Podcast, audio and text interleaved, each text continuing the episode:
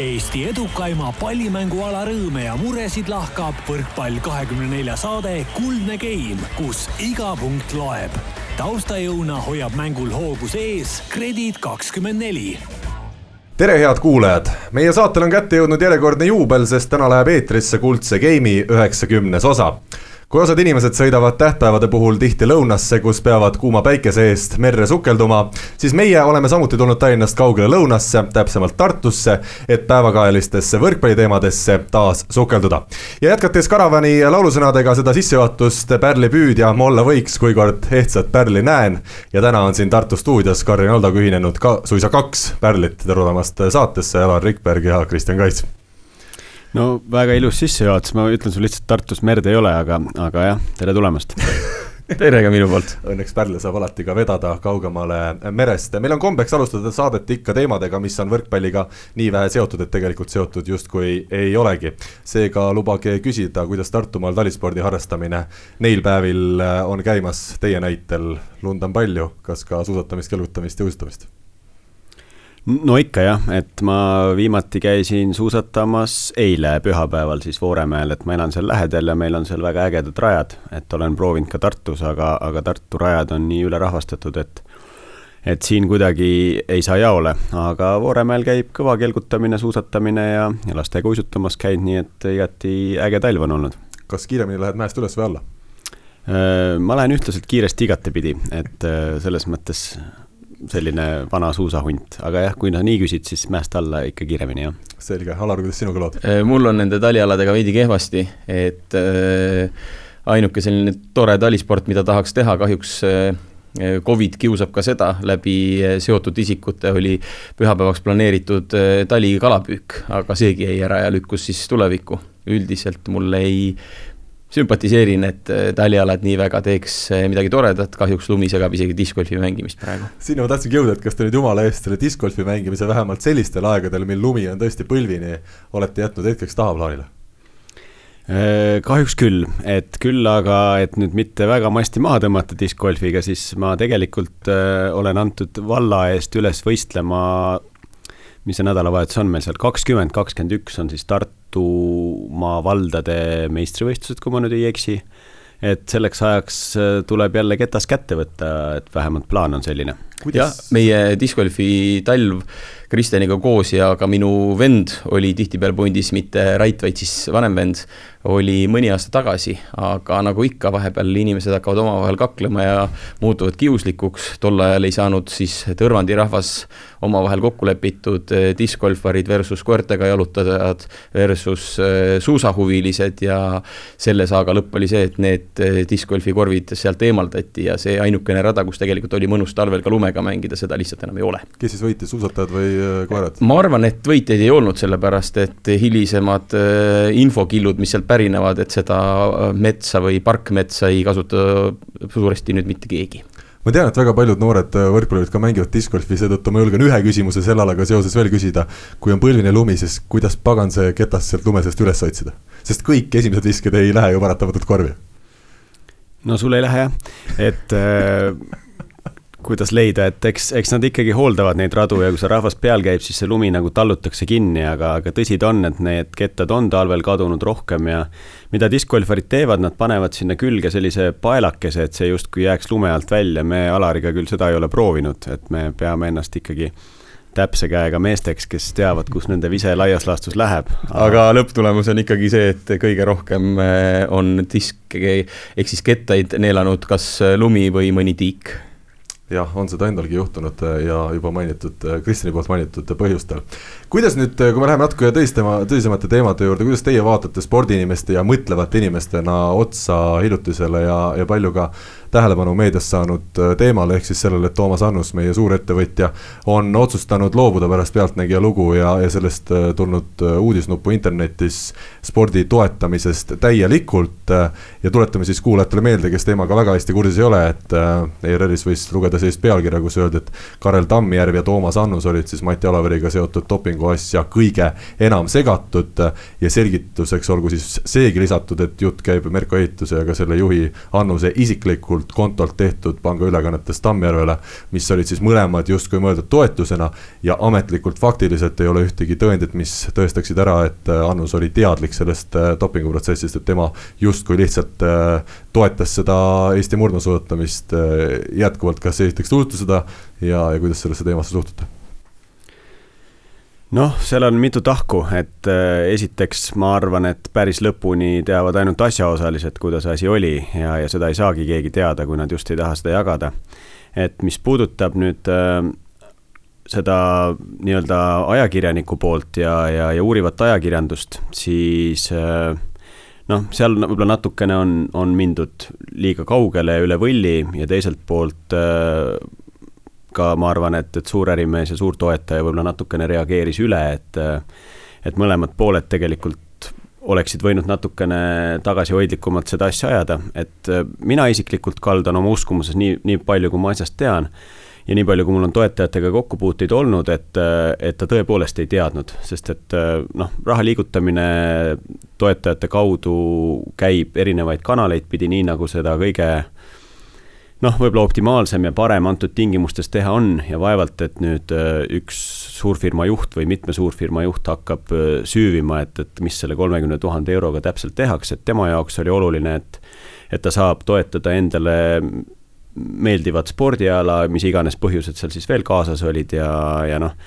ma ei usu, et keegi nüüd äh, tahaks sellise raha eest, et inimesed äh, läbi dopingu siis saavutaksid paremaid kohti, et, et noh, laias laastus on minu arvamus selline ma ütlen vahele, enne kui ma Laarile sõna annan, et ma olen just selle poolega nõus, et üks suur toetaja, kes on Eestis ka tuntud ettevõtja, ma usun, et ta julgeks riskeerida puhtalt sellega, et ta nüüd toetabki mingisugust dopinguskeemi, et ma arvan, et seda asja tehti kõike nii, et ikkagi toetajatele sellest sõnagi ei mainitud, Alar? Sel teemal on tõesti päris palju erinevaid tahkusid ja selge on see, et sponsor ei taha eh, ennast segada Äh,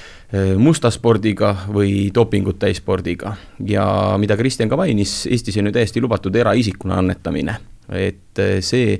on kõigile teada, et äh, sponsorrahad tihtipeale ei ole Eestis mitte mingisugustel turunduslikel kaalutlustel, vaid nad liiguvad sel põhjusel, et üks inimene lihtsalt huvitub spordialast või mingitest fanattsportlastest, fanatttreeneritest, kes ühe või teise asjaga tegelevad. ja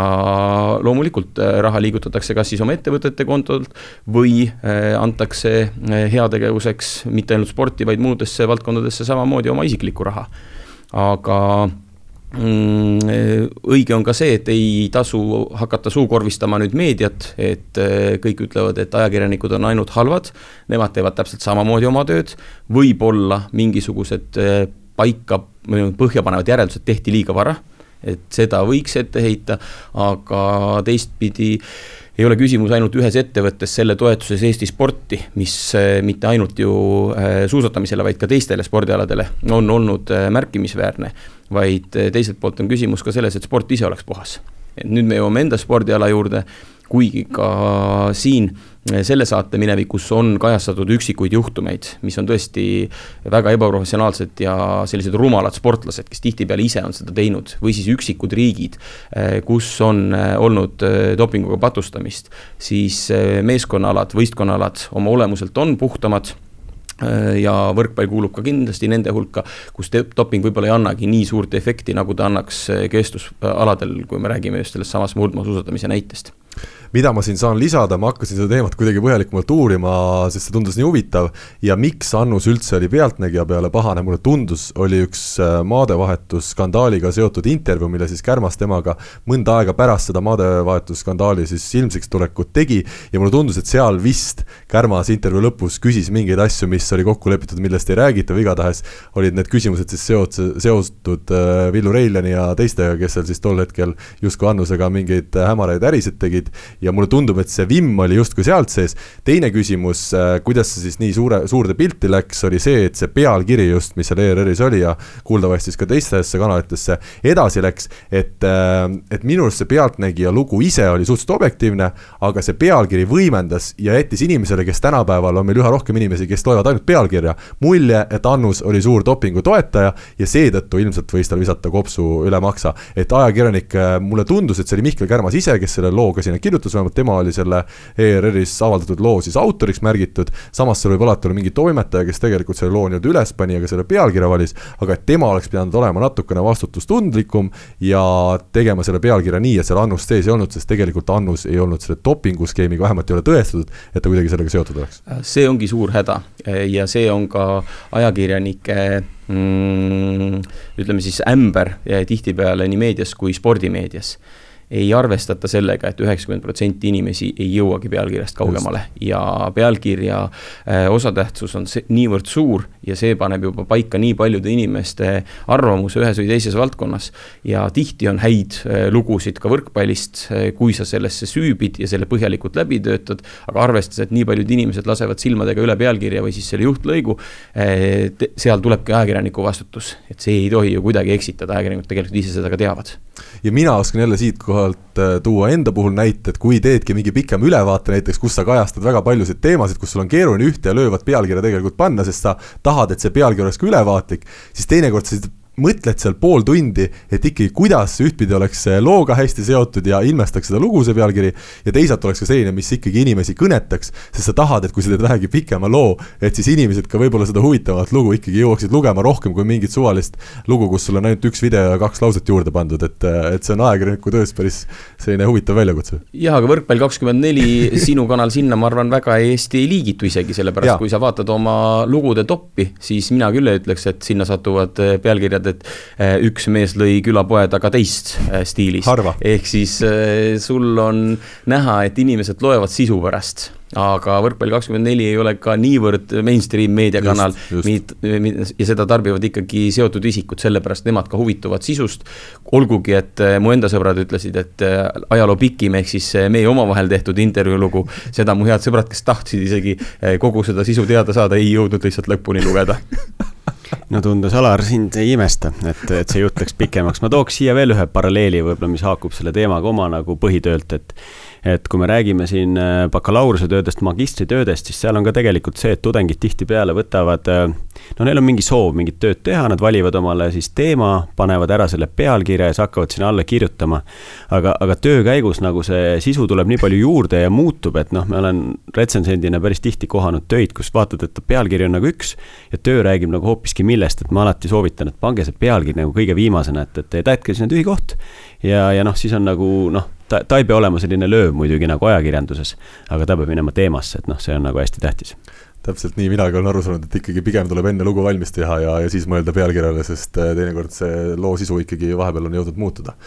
mida te nüüd arvate, kas Annus jätabki nii, et see spordi toetamine jääb sinnapaika või oli see selline väike, väike kõlks äh, ja, ja mingi aja pärast on ta spordi juures tagasi? Mina arvan, et see ei jää nii, see tundub mulle küll vähemalt, äh,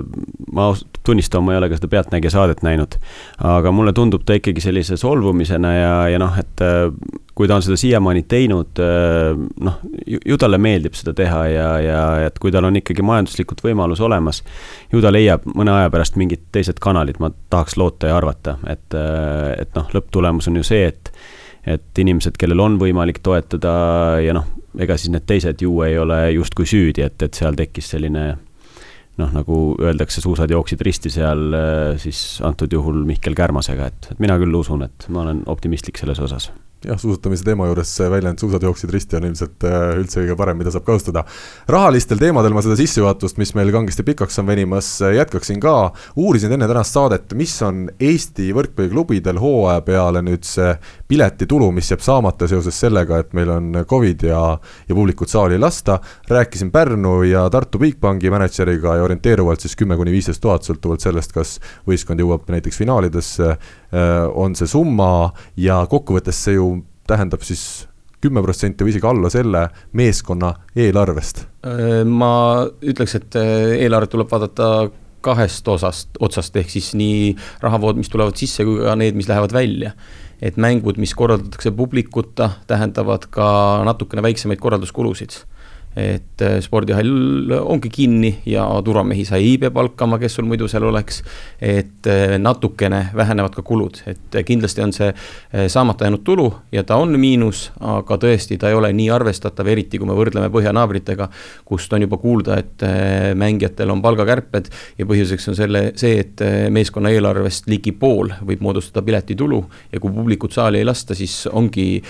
seis päris hapu, aga me ju kõik teame, et Soomes on piletihinnad äh, krõbedad, äh, saalide täituvus päris hea, lisaks siis äh, makkaramüük, mida klubid ise seal ajavad tihtipeale, et neid saamata jäänud tuluartikleid on rohkem ja meid ta tõesti võib-olla Eesti klubide eelarvetest nii suurt osa ei mängi ja sellepärast nii katastroofiline pole ka olnud. Kui me nüüd võrdleme sporti kultuuriga väga lihtsalt ja labaselt, võtame näiteks Andrea Bocelli tuleb Lauluväljakule esinema, siis kõik need ettevalmistuskulud mis olla saavad, peavad ju lõpuks olema väiksemad kui see piletitulu, mis selle Bocelli kontserdiga sisse tuleb. spordis me siis räägime ikkagi kümnest protsendist orienteeruvalt sellest äh, nii-öelda siis kogu eelarvest, et et ega sport ilma kohaliku omavalitsuse ja, ja erasektori toeta ei saakski mitte kuidagi toimuda, et see pole jätkusuutlik äh, asi täna Eesti, Eestimaa pinnal vähemalt, tundub nii, kui me võta, võib-olla Kalev Cramo võrkpalli või korvpalliklubi VTB mängud kõrvale jätame ja võib-olla Saaremaa siis võrkpalliklubi paremad hetked äkki või? no kindlasti jah, ma arvan ka Kalev Cramo ja, ja Saaremaa summa summarum ka nende nii-öelda need kulud äh, mängijatele ja millele iganes on palju suuremad. aga, aga siit jah, veel üks, üks paralleel selle eelmise küsimusega, millele Alar juba vastas, et äh, et äh, noh, tegelikult on ka mänge vähem. et ka see võib-olla sisse arvestada, et nüüd tänase seisuga ju kaks äh, Läti meeskonda võeti maha, noh naistel oli see kärbe veel suurem ja, ja see Soome fenomen on ka huvitav, et äh, ma ise olen käinud mängimas Soome esiliigat niimoodi täiesti üksikuid mänge tuntud klubis Küüjärvi Kükü. et äh,, et peale, peale mind on seal veel päris paljud eestlased käinud. ja, ja see oli ikka esimest korda, kui ma läksin, noh esiteks seda seal Kesk-Soomes oli raske leida ja Soome liiklusest ma võiks sul terve saate täis rääkida ja autokultuurist aga kui ma sinna kohale jõudsin ja see mäng algas, noh, see oli niisugune väike koht, aga seal reaalselt on äh, rohkem pealtvaatajaid kui, kui Tartu Bigbanki mängudel. ja seesama melu ja needsamad makarad, noh, see ajab ikka muigama, et, et ja, ja kahvi kindlasti kuskil nurgas tiksus selle vana vanamoodsa selle filtriga kohviautomaadist kogu aeg, mida nad siis armastavad juua sellistest pooleliitristest äh, tassidest, kui neid nii saab nimetada et, äh, et jah, see, see möll selle ümber ja see on nagu selline kogukondlik ja,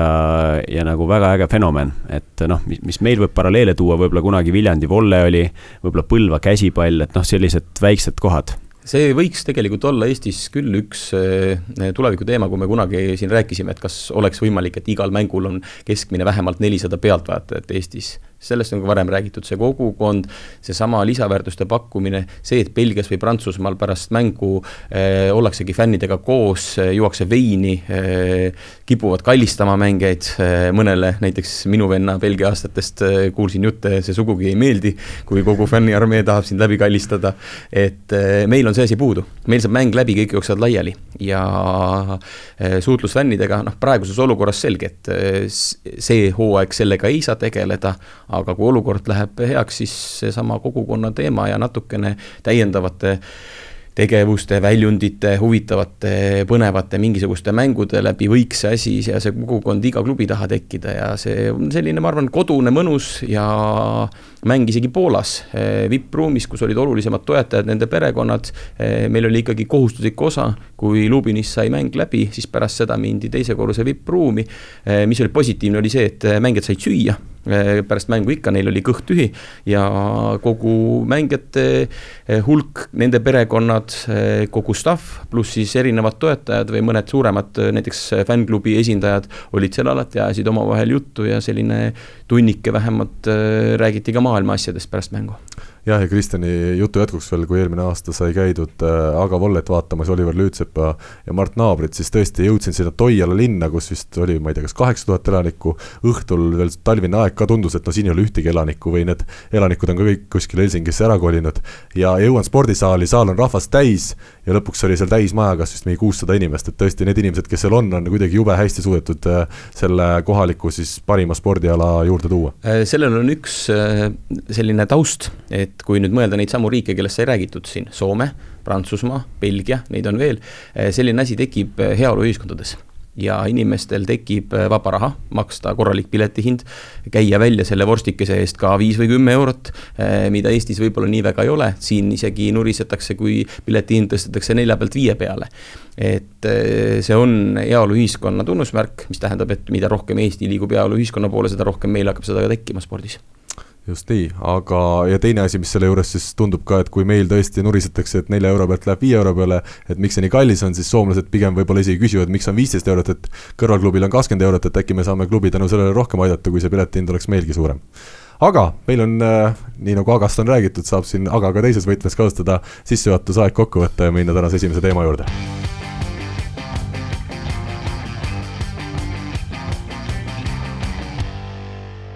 enne kui me Grade kakskümmend neli meistriliiga juurde tuleme, mul jäi ikkagi üks küsimus veel õhku, Kristjan, sa ütlesid, et Soomes on see autosõidukultuur kuidagi teistsugune, ma olen ka Soomes sõitnud ja ei ole märganud, et see nüüd midagi supererilist oleks. või oli see Kügü oli eriline koht ja kakskümmend aastat tagasi oli teistsugune kultuur veel? Kakskümmend aastat tagasi, aga võib-olla oli jah, et aeg läheb kiiresti. aeg läheb kiiresti jah, ei, ei see, mis mulle nagu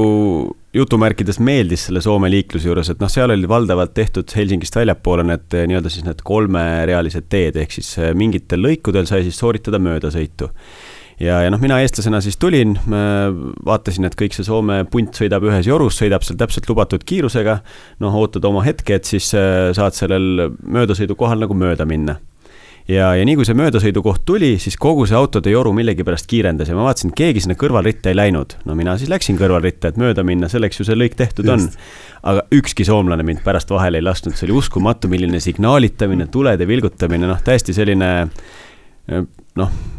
jebimise kultuur või kuidas nüüd, me ei ole hea sõna raadios kasutada, aga, aga vot see oli see, mis mulle nagu jäi kuidagi hinge, et. et poolvägisi pidid sinna vahele trügima ja siis noh, milleks see siis mõeldud on, et sõidame siis kõik ühes jorus, kuigi on vahepeal võimalus mööda minna, see on see, mida ma mõtlesin. võib-olla said Eesti numbrimärgiga ja sellest piisas? kindlasti ka see, et ma olen ka aru saanud, et soomlane on noh, ta on üldse iga näitajate poolest ka, ega nad ei tolereeri väga, et noh, eestlane on nende jaoks niisugune pooleldi võib-olla venelane kohati ja, ja, ja, ja must on must ja noh, et eks selline kohati võib-olla ekrelik väiklane suhtumine on ka seal levinud üsna palju. ja sellepärast sõidan mina isegi Eestis Soome numbrimärgiga autoga. aga tuleme siis Grade kakskümmend neli meistriliiga ehk Balti liiga juurde ja Karkstai Ämber Volley äh, sai siis nädalavahetusel hakkama üsna omamoodi tempo, tembuga, kolm mängu järjest meil reeglina ikkagi nädalavahetusel ei peeta osad mängijad ütlevad juba kaks mängu järjest pidada on äh, keeruline ja nemad ikkagi siia Eesti turniire tulid, kolm kaotust, kõik null-kolm seisuga, kui Pärnu ja TalTechi vastu ükski game ei olnud huvitav, siis kolmas mäng ja Tallinna Selver natukene ikkagi andis neile ka veel võimalust, et tagasitee Leetu nüüd päris nii nukker ei oleks. Alar, kas sina neid mänge jõudsid ka jälgida ja kas, kas oli tunda, et see kolm mängu on ikkagi liiga palju sellise poolprofessionaalse Leedu klubi jaoks? Äh, alustame isegi nädal varasemast, et nad ju käisid kaks nädalat järjest siin Eestis, mängisid Saaremaaga, mängisid meiega meie mängust lühikokkuvõte, poolteist geimi õudust, ehk siis esimese kaotasime kakskümmend kolm, kakskümmend viis. tegelikult ei olnud väärt viiteist punktigi selle mängupildiga, teises geimis olime ka, kui mälu ei peta eh, kuus, kolmteist või seitse, neliteist seal taga ja ei olnud see pilt üldse mitte ilus, aga siis me hakkasime mängima ja sealt peale läks ta nii, nagu ta pidi minema, viimased seitsmeteistkümnega ja siis sai räägitud ka Leedu klubi presidendi ja treeneriga, ega nad õnnelikud ei ole eh, selle üle, et nad pidid mängima kolm mängu järjest. ega nad õnnelikud ei olnud ka selle üle, et tehti selline reegli muudatus või erand, et Pärnu ja Selver ei peagi Leetu sõitma, vaid saavad mõlemad põhiturniiri mängud mängida nendega kodus. loomulikult nad ootasid neid võistkondi Leetu ma saan aru, sel hetkel, kui sai räägitud, olid eh, Leedu koroona igapäevased numbrid tõesti tuhandetes, täna on see võrreldav või isegi julgen öelda, et viimaste päevade seis ju on Eestist parem et hetkel ei näe ma põhjust, miks eh, pidi sellist asja nõudma, et leedukad jälle siia tulevad. aga neil oli soov kindlasti see põhiturniir lõpuni mängida. Eh, et võistkond üldse saaks mängima hakata, olid nad nõus ka Eestis need mängud ära pidama ja noh, täiesti ajuvabaks oleks läinud, kui nad kolm nädalat järjest Eestisse peavad sõitma. Äh, kogu aeg testimised ja kõik muud mured ja sellepärast nad võtsid ka selle äh, kolmepäevase turnee. tulemus ei ole üllatus, sama, mis ma hooaja alguses ütlesin. see on ohtlik võistkond, aga nende kodusaalis, kui sa pead minema sinna pika reisi pealt. Äh, vastupidi, nad jällegi nii ohtlikud ei ole mm, meie mängus hakkasid ise väristama, esimene game oli tegelikult ju seisuga kakskümmend viis, üheksateist läbi saanud aga meil läks rünnak out'i, nemad olid võrgus. ja no tõesti sellest hetkest alates sama, mis juhtus Leedus, kui me võitsime ju kolm-kaks, olles kolmteist, kakskümmend neljandast taga, ei julge enam mitte ükski mees palli lüüa ja läkski nii, et seal võitsime, siin täpselt samamoodi. ega kakskümmend kolm, kakskümmend neli seisuni nad ei saanudki ühtegi, meie viga, vea pealt said selle viimase punkti. ja mingis hetkes, kui neil tekib see võiduvõimalus, tekib kartus. Selveri mängus teises game'is alates kakskümmend kolm, kakskümmend kolm viigiseisust kolm servi viga järjest ehk Selver ise ei peagi eh, midagi tegema, nad ei suuda punkti teha, et sa pead oma mängu tegema ja mäng lõppes ju ka sellega, kuidas nende diagonaalründaja oli tühja võrgu pealt lihtsalt keset võrku, et oli üllatunud kõige üle. ma ütlen, Selver taktikaliselt väga targalt tegi, tundus, et see mees kardab lausa tühja võrku, ta sai korduvalt proovida ja, ja ei suutnud tühja pealt ühtegi maha lüüa. pika jutu lühike kokkuvõte Kristjaniga on ikkagi, ma usun, meil siin on Alari ja Tartu meeskonna osas, et kui kõik teised Eesti klubid on saanud äh, Karkstadiga ilusti hakkama, siis tartlastel on nii võõrsil kui ka kodus ikkagi olnud tükk tegemist tegemist, et neist üldse jagu saada, et tundub, et Alar ei oska oma mehi lihtsalt motiveerida ei no Tartu on lihtsalt viisakas klubi, eks ole, et kui nüüd me vaataks meile vastu sealt null Leedu tagant, noh siis oleks ka nagu hapu, äkki nad järgmine aasta ei tulegi. nüüd on üks punkt vähemalt. täpselt, Alar on tark mees, Alar sai sellest algusest peale aru, et lõpupoole võivad punktid hinda minna ja andis algul selle punkti ära viisakalt, ega siin ei olegi muud, noh. Ja, ja lõppude lõpuks, äh, nagu sa ütlesid, et leedukatel oleks rõõmsam seda pikka sõitu, mida mul siin naiskonnaga on õnnestunud pikalt ja palju teha Leedust, et teha siis äh, noh nii on. nii, aga räägi nüüd, Kristjan, kui sa meil naiskonda siin kaks aastat juhendasid Tartus, siis äh, kuidas oli tunne, kui sa tõesti tuled kas Leedust või kaugelt Lätimaalt veel äh, tagasi null kolm kaotuse pealt või kolm-null võidu pealt, kas see bussisõit on ikka hoopis teistsugune siis või? Äh, on küll, et äh, noh, kuna, kuna naistel see emotsionaalsuse pool võib-olla on suurem kui meestel kindlasti, et meeste sõitudest ma olen aru saanud, et igaüks nokitseb seal oma oma telefonis või seadmes või tukub niisama, et, et naised ikka üldiselt äh, suhtlevad, ma eeldan, rohkem bussis ja ja eks, eks ta läheb üle, et kui me ka seal saime koledal kombel peksa, noh õnneks oli või õnneks või kahjuks oli vahest kaks mängu, et noh, et siis on võimalus teises mängus nagu seda muuta. Ja loomulikult oli tähtis, et see teine mäng võita, et siis oli nagu kohe läks äh, tuju rõõmsaks, aga noh, selle pika sõidu peale muidugi ununeb see ära aga jah, esimesed ma ütleks tund-kaks oli küll tihtipeale ikkagi vaikne ja, ja kõik olid rusutud ja, ja noh, mina kaasa arvatud, et ega siis ju keegi ei taha noh, seda seitset tundi seal bussis istuda ja, ja mõelda, et, et miks nüüd nii läks. kuidas saab tuju paremaks teha bussisõitudel, kas sa paned ise mingi muusika peale sealt kuskilt kõlarist mingil hetkel, kui näed, et väga nukker on tunne või? No selle muusikaga oli meil nii, et äh, minu muusikamaitse võib-olla päris ei ühti seal äh, Hendrik Rikandi muusikamaitsega, kes nagu kippus esiteks väga kõvasti kuulama ja, ja võib-olla omale mingeid meelevaldseid laule seal peale panema, mis ta eeldas, et kõigile meeldivad, noh, naised olid viisakad, mina ka, et, et keegi ei öelnud. nüüd siis alles? Äh, jah, et noh, nüüd ju võib öelda, et äh, no ei, ikka eks teistele ka kindlasti osadele meeldis, aga oli ka neid, kes kuulasid klappidest, noh, Kadi Mägi nüüd siis Kadi Kalm, tema õppis päris tihtipeale, et tal olid oma õppeasjad kaasas. Ja, ja noh, tegelikult kaua sa ikka morjendad, et äh, noh, mõtled selle mängu läbi, tunnike, poolteist, kaks on ju, noh, siis tuleb juba söögipaus, kohvipaus ja eks ta läheb üle. et elu läheb ju lõppude lõpuks edasi ja, ja noh, ega nüüd nii, selliseid meil küll ei olnud ühtegi, kes nüüd istus Kaunases bussi ja ja Tartust tuli välja ja suunurgad olid ikka allapoole ja oi, ma ei oska mängida, et noh, et seda väga ei, meil vähemalt ei olnud kaks esimest mängu siis Karkstaimis mängis äh, Pärnu ja TalTechiga, nurgamehed kerkisid esile, Atlas Osolins ja Taavet Lepik, nüüd Pärnul olid mõlemal, mõlemad siis äh, heas hoos. Äh, ei ole seda ammu-ammu juhtunud, aga kas põhjus peitub ikkagi selles, et Karkstai meeskond lihtsalt ei ole nii kvaliteetne või on nüüd näha, et Osolins ja, ja Lepik äkki hakkavad jälle paremini mängima? esimene põhjus seisneb selles, et Pärnu võistkonnas on erinevaid häid mängijaid, aga üks võtmemängija ja see on olnud aastaid täpselt sama mees ja see on Taavet Lepik. kui Lepik on katki või kui Lepik on haige, siis Pärnu mäng muutub, kardinaalselt muutub ja ilma Taaveti panuseta on neil raske. nii kui Taaveti panus on olemas, see ei ole ainult need rünnakupunktid, tema peale on vastuvõtul väga raske suruda, sa pead kohe võtma teise poole väljakut, siis on seal veel ka Silver olemas, siis sul jääbki ainult kitsas osa, kas siis Osolinsi või kui on Tammiksaar, Tammiksaare peale sihtida, et pluss tema üldmäng, tema kaitsemäng, tema plokk, kõik asjad on ikkagi niivõrd kõrgel kvaliteedil, et heas hoos Taavet tähendab ka hoopis teistsugust Pärnut. ja Pärnu siin vahepealsed kehvad tulemused või madalseis oli ju puhtalt tingitud sellest, et alguses tõesti tal oli natukene vist kehv periood, ma ei tea, aga võib-olla juba siis segas teda vigastus ja hiljem, kui teda ei ole, siis äh, ei ole ka sellisel tasemel Pärnut. Rasmus Meius siis esmakordselt Grade24 meistriliigas äh, üle platsi mees, kui Karkstaidu võideti äh, kolm-null, viisteist punkti pluss kolmteist, kas äh, Meius, minule tundub, olles neid mänge kõrvalt näinud, et noor mees kaheksateistaastasena on nüüd ikkagi hooaja käigus oluliselt enesekindlust juurde saanud ja see kajastub ka mängus. ma annan selle kommenteerimise Kristjanile, aga ma ei ole nii väga kindel, et see tema ainuke nagu selline hea või silmapaistev mäng on, sest et see mäng, mille meie kaotasime TalTechile karikasarjas, et võib-olla sa neid numbreid niimoodi ei vaadanud, ka seal äh, paistis ta, jah, aga ta paistis ja. silma, tal oli rünnak äh, mäletamist mööda üle viiekümne protsendi, aga seal oli ka päris objektiivne põhjus, et tema vastas oli plokis Ronald Järv. tervitame Ronaldit. jah, ma arvan, et Meiuse puhul äh, on seal võib-olla kaks momenti, esiteks ta on noor mees, mis tähendab seda, et ta on ikkagi üht suhteliselt ebastabiilne. et, et see nüüd sähvatus tuli, noh, nagu Alar ütles, sähvatusi on varem veel ka olnud, et, et tema eesmärk kindlasti võiks olla, et ta liigub nüüd sellise stabiilsemate ja paremate esitluste poole. ja, ja noh, teine moment, mida ma, kui teda mängus nagu vaadata, seda kehakeelt võib-olla, et ta kipub vahest nagu iseendaga liiga palju võitlema, et mul on jäänud vähemalt selline mulje et äh, tegemist on üsna sellise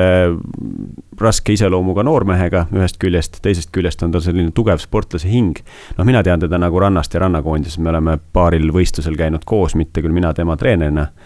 aga minu jaoks on ta väga sümpaatne mängumees, et ma usun küll, et kui, kui ta jätkab samamoodi ja ja võib-olla saab ka natukene veel tugevamasse seltskonda treenima, siis äh, kõik võimalused on olemas. kas Meius peaks keskenduma ikkagi rannavõrkpallile sinu hinnangul? Äh, raske öelda, ma arvan, et tegelikkuses enne võib-olla kahekümnendat vanust ei peakski keskenduma nii väga ühele või teisele, mina usun, et neid saab mõlemaid teha noorteklassis edukalt paralleelselt, eks selge see, kui sa väga hea oled, sind hakatakse mõlemale poole sikutama. aga, aga annab teha, noh, Märt Tammearu baasil me oleme ka näinud sama ja, ja Meius Tammearu ju alustasidki tegelikult mängimist koos. et äh, eks näis, saali jaoks ta võib jääda natukene lühikeseks, et rannas on kaitsemängijana kindlasti võimalused olemas, noh, samas rand eeldab jällegi suuremat sellist iseseisvust ja initsiatiivi, et, et sa natukene rohkem panustad sellesse muusse struktuuri, kui sa seda saalis tegema pead Läheme edasi, selle vastuse pealt Tallinna Selveri võidust äh, Karksta üle me väga pikalt rääkima ei hakka, siin ikkagi tasemevahe tuli välja. päris palju vangerdusi, Rainer Vassiljev tegi muuhulgas siis, äh, Kristo Kollo pääses äh, algkoosseisu nurgaründajatest koos Deniss Losnikoviga, keda me muidu oleme libero kohal näinud. Oliver Orav mängus kaasa ei teinud, kuigi soojenduse tegi ilusti kaasa, nii nagu teised mehed, tundub, et anti vaba päev ja täiesti vaba nädal oli siis kapten Andrus Raadikul kuivõrd palju nüüd seda on äh, sellisel ikkagi kõvemal tasemel ette tulnud, et äh, üks mees, kelle puhul treenerid näevadki, näitajad näitavad ja mees ise tunneb, et on äh, üle treeninguga natukene tegu olnud, siis antaksegi nädal aega puhkust? mina oma kogemusest toon kohe ühe Eesti mehe, kes küll Eestis ei mänginud. ma ei mäleta, kas see päris nädal oli, aga see oli vist kolm-neli päeva kui me olime Lubinis ja Gretu nägi, et eh, Pupart on kuidagi tujust ära ja on ka palliplatsil kuidagi pehme, siis tema lahendus oli see, et eh, Keit, mine koju, eh, ole paar päeva perega, tuled tagasi ja tagasi tuli hoopis teistsugune mees. koju Eestisse? jah kolmeks-neljaks päevaks? no täpselt, ega rohkem ei olnud aega, sest meil olid mängud, aga tekkis võimalus, noh, Poola liiga ei ole päris selline, et sul vahepeal tekib äh, Klaipeda äh,, Ämber, Karkstai-sugune vastane, et seal on ikkagi iga nädal äh, rasked vastased ja sa võitled eriti Lubi, Lubini-suguse võistkonna nimel nende punktide eest. aga seal oli väike selline, kui teised mehed tegid trenni, siis Keit sai kodus ära käia ja eriti välismaalt koju saades see mõni päevgi eh, annab hoopis teistsuguse laengu ja sellest jätkub võib-olla kuuks või paariks jälle, et eh, rõõmsalt asja edasi teha. aga kui nüüd eh, Pupart on kodusaarel Saaremaal, siis kuhu teda nüüd võiks saata, kui kehvemad päevad tulevad, kas sinna Pärnumaale Paikuse kanti või? no ikka koju, jah mina saadaks Lubinisse see aitaks tuua pildi ette, kui hea ikkagi Saaremaal elu on, jah? no täpselt, nostalgia mõttes ka, et näed, et, et võib ka nii aga Grade kakskümmend neli meistriliigas äh, on siis põhiturniiri, ütleme, viimased mängud äh, peetud suures plaanis seitsmendaks veebruariks, aga üks mäng Tallinna Selver Riia jääb siis veel veebruari lõppu ja vahepealsel ajal, ehk siis suure osa veebruarist me näeme hoopis seekord Eesti liiga vahegrupi mänge. Alar, sina oled asjas sees olnud iga päev siin klubi juhtide ja kellega iganes suhelnud. kuidas see nüüd kõik välja hakkab nägema, sedasi lühike ülevaade, Eesti klubid siis mängivad vist üks kord omavahel kõik läbi või? Äh, täpselt nii ta on, et see ei ole midagi uut. see süsteem sai kokku lepitud tegelikult ju hooaja alguses klubide omavahelisel koosolekul. vahepeal tekkis kahtlusi, kuna tekkis pause ja mängude edasilükkamisi, kas me jõuame mängida. ja siis, kui oli selge, et nii Elgava kui Taugapils on loobunud ja põhiturniiri mängude arv selle võrra väheneb, siis me jõuame selle vahegrupi ära mängida. lisaks selle kahekümne kaheksanda veebruari Riia ja Selveri mängule on ka seal vist kolmeteistkümnendal veebruaril veel üks Riia ja Selveri mäng et tõesti äh, Covidi juhtumi tõttu siis edasi lükkunud Riia Selver pluss veel üks pidamata mäng tekitasid olukorra, kus isegi seal kuues-seitsmes, kui Bigbank Tartu ja Saaremaa sõidavad Lätti, mängivad oma kaks järelejäänud mängu ära, RTÜ ja EKAPilsi vastu, siis veel põhiturniiri lõplik seis ja tabel ei pruugi olla selge ja mõte kohe algselt oli selline, et äh, selle niinimetatud Bergeri ussi süsteemi järgi mängitakse kodus ja võõrsil. Äh, kuna kahte ringi ei jõua, et kõik kõigiga kodus ja võõrsil, siis Bergeri järgi saad sa endale vastase, kellega mängid kodus ja kellega mängid võõrsil vahegruppi võtad kaasa, esimene koht viis punkti, teine koht neli punkti ja nii edasi. Need punktid saavadki tegelikult selgeks võib-olla alles kahekümne kaheksandal veebruaril, kui on Selveri ja Riia viimane mäng. et võib-olla ka varem selge, see sõltub juba sellest, kuidas Saaremaa ja meie Lätis sel nädalavahetusel mängime ja need punktid saad sa kaasa ja ülejäänud kõik mängud, neli mängu, igaühest on võimalik saada kuni kolm punkti. see paneb siis eh, paika asetuse Eesti meistrivõistlusteks. Eh, Play-off'id mängitakse viiest parem kolme võiduni, nii poolfinaalid kui finaalid kui pronksiseeria. Eh, need mängud on planeeritud märtsikuusse et veebruari lõpuga saab mängitud vahegrupp, märtsis saab mängitud Eesti meistrivõistlused, teoreetiliselt kõige hilisem, kui finaalseeria läheb viie mänguni, siis oli kolmas aprill ja siis äh, aprilli teine ja kolmas nädal ootavad ees äh, Kredit kakskümmend neli ehk Balti liiga play-off mängud. ja mis on siis eriline, on see, et esimest korda Eesti liiga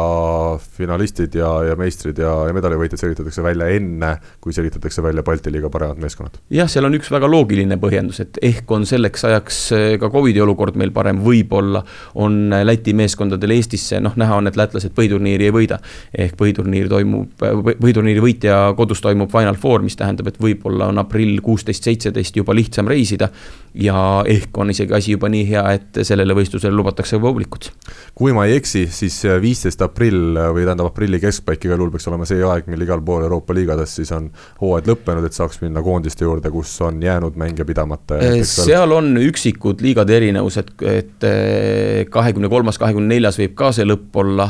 aga enamasti jah, siis kaheksateist aprill on see, kui suurem osa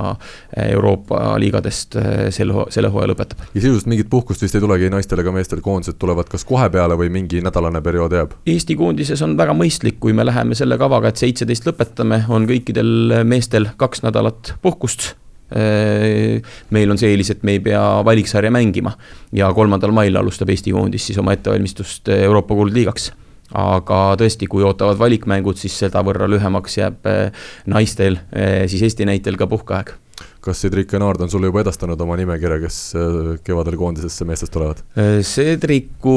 sealhulgas ka Oliveri, Loigi ja kõikide teistega äh, vaatasime viimati nimekirjale otsa kolmekümnenda detsembri õhtul. siis oli meil kogu staffi ühine Zoomi koosolek ja selge see, et see oli väga pikk nimekiri ja sai sinna eh, võrreldes eelmise aastaga nimesid lisatud, eh, sai sealt nimesid kustutatud, aga tänase seisuga oli see nimekiri, mida me kõik üheskoos vaatasime, keegi kellelegi seda ei edastanud, see oli Cedricu arvutis üks Exceli fail, mida me vaatasime ja kus me parandusi üheskoos tegime kogu staff'iga et eh, seal ei ole midagi võimalik veel lukku panna ja siis, kui hakkavad Eestis mängud läbi saama, ma arvan, et aprillikuu on see kuu, kui hakatakse tegema valikuid, kes Eesti koondisse pääseb, kes välja jääb. sa ütlesid, et nimekiri oli pikk, eh, umbes kui pikk see oli? Eh, ma võin sulle natukene siia-sinna valetada, aga seal oli selline kolmekümne viie, kolmekümne vahel neid mängijaid. no selge, siis ma tean, et mul ikkagi Rahvaliiga nurgaründajana päris veel sellesse nimekirja asja ei ole ja suvi on jälle vaba aga läheme edasi, meil on saates võtta ette järgmine teema.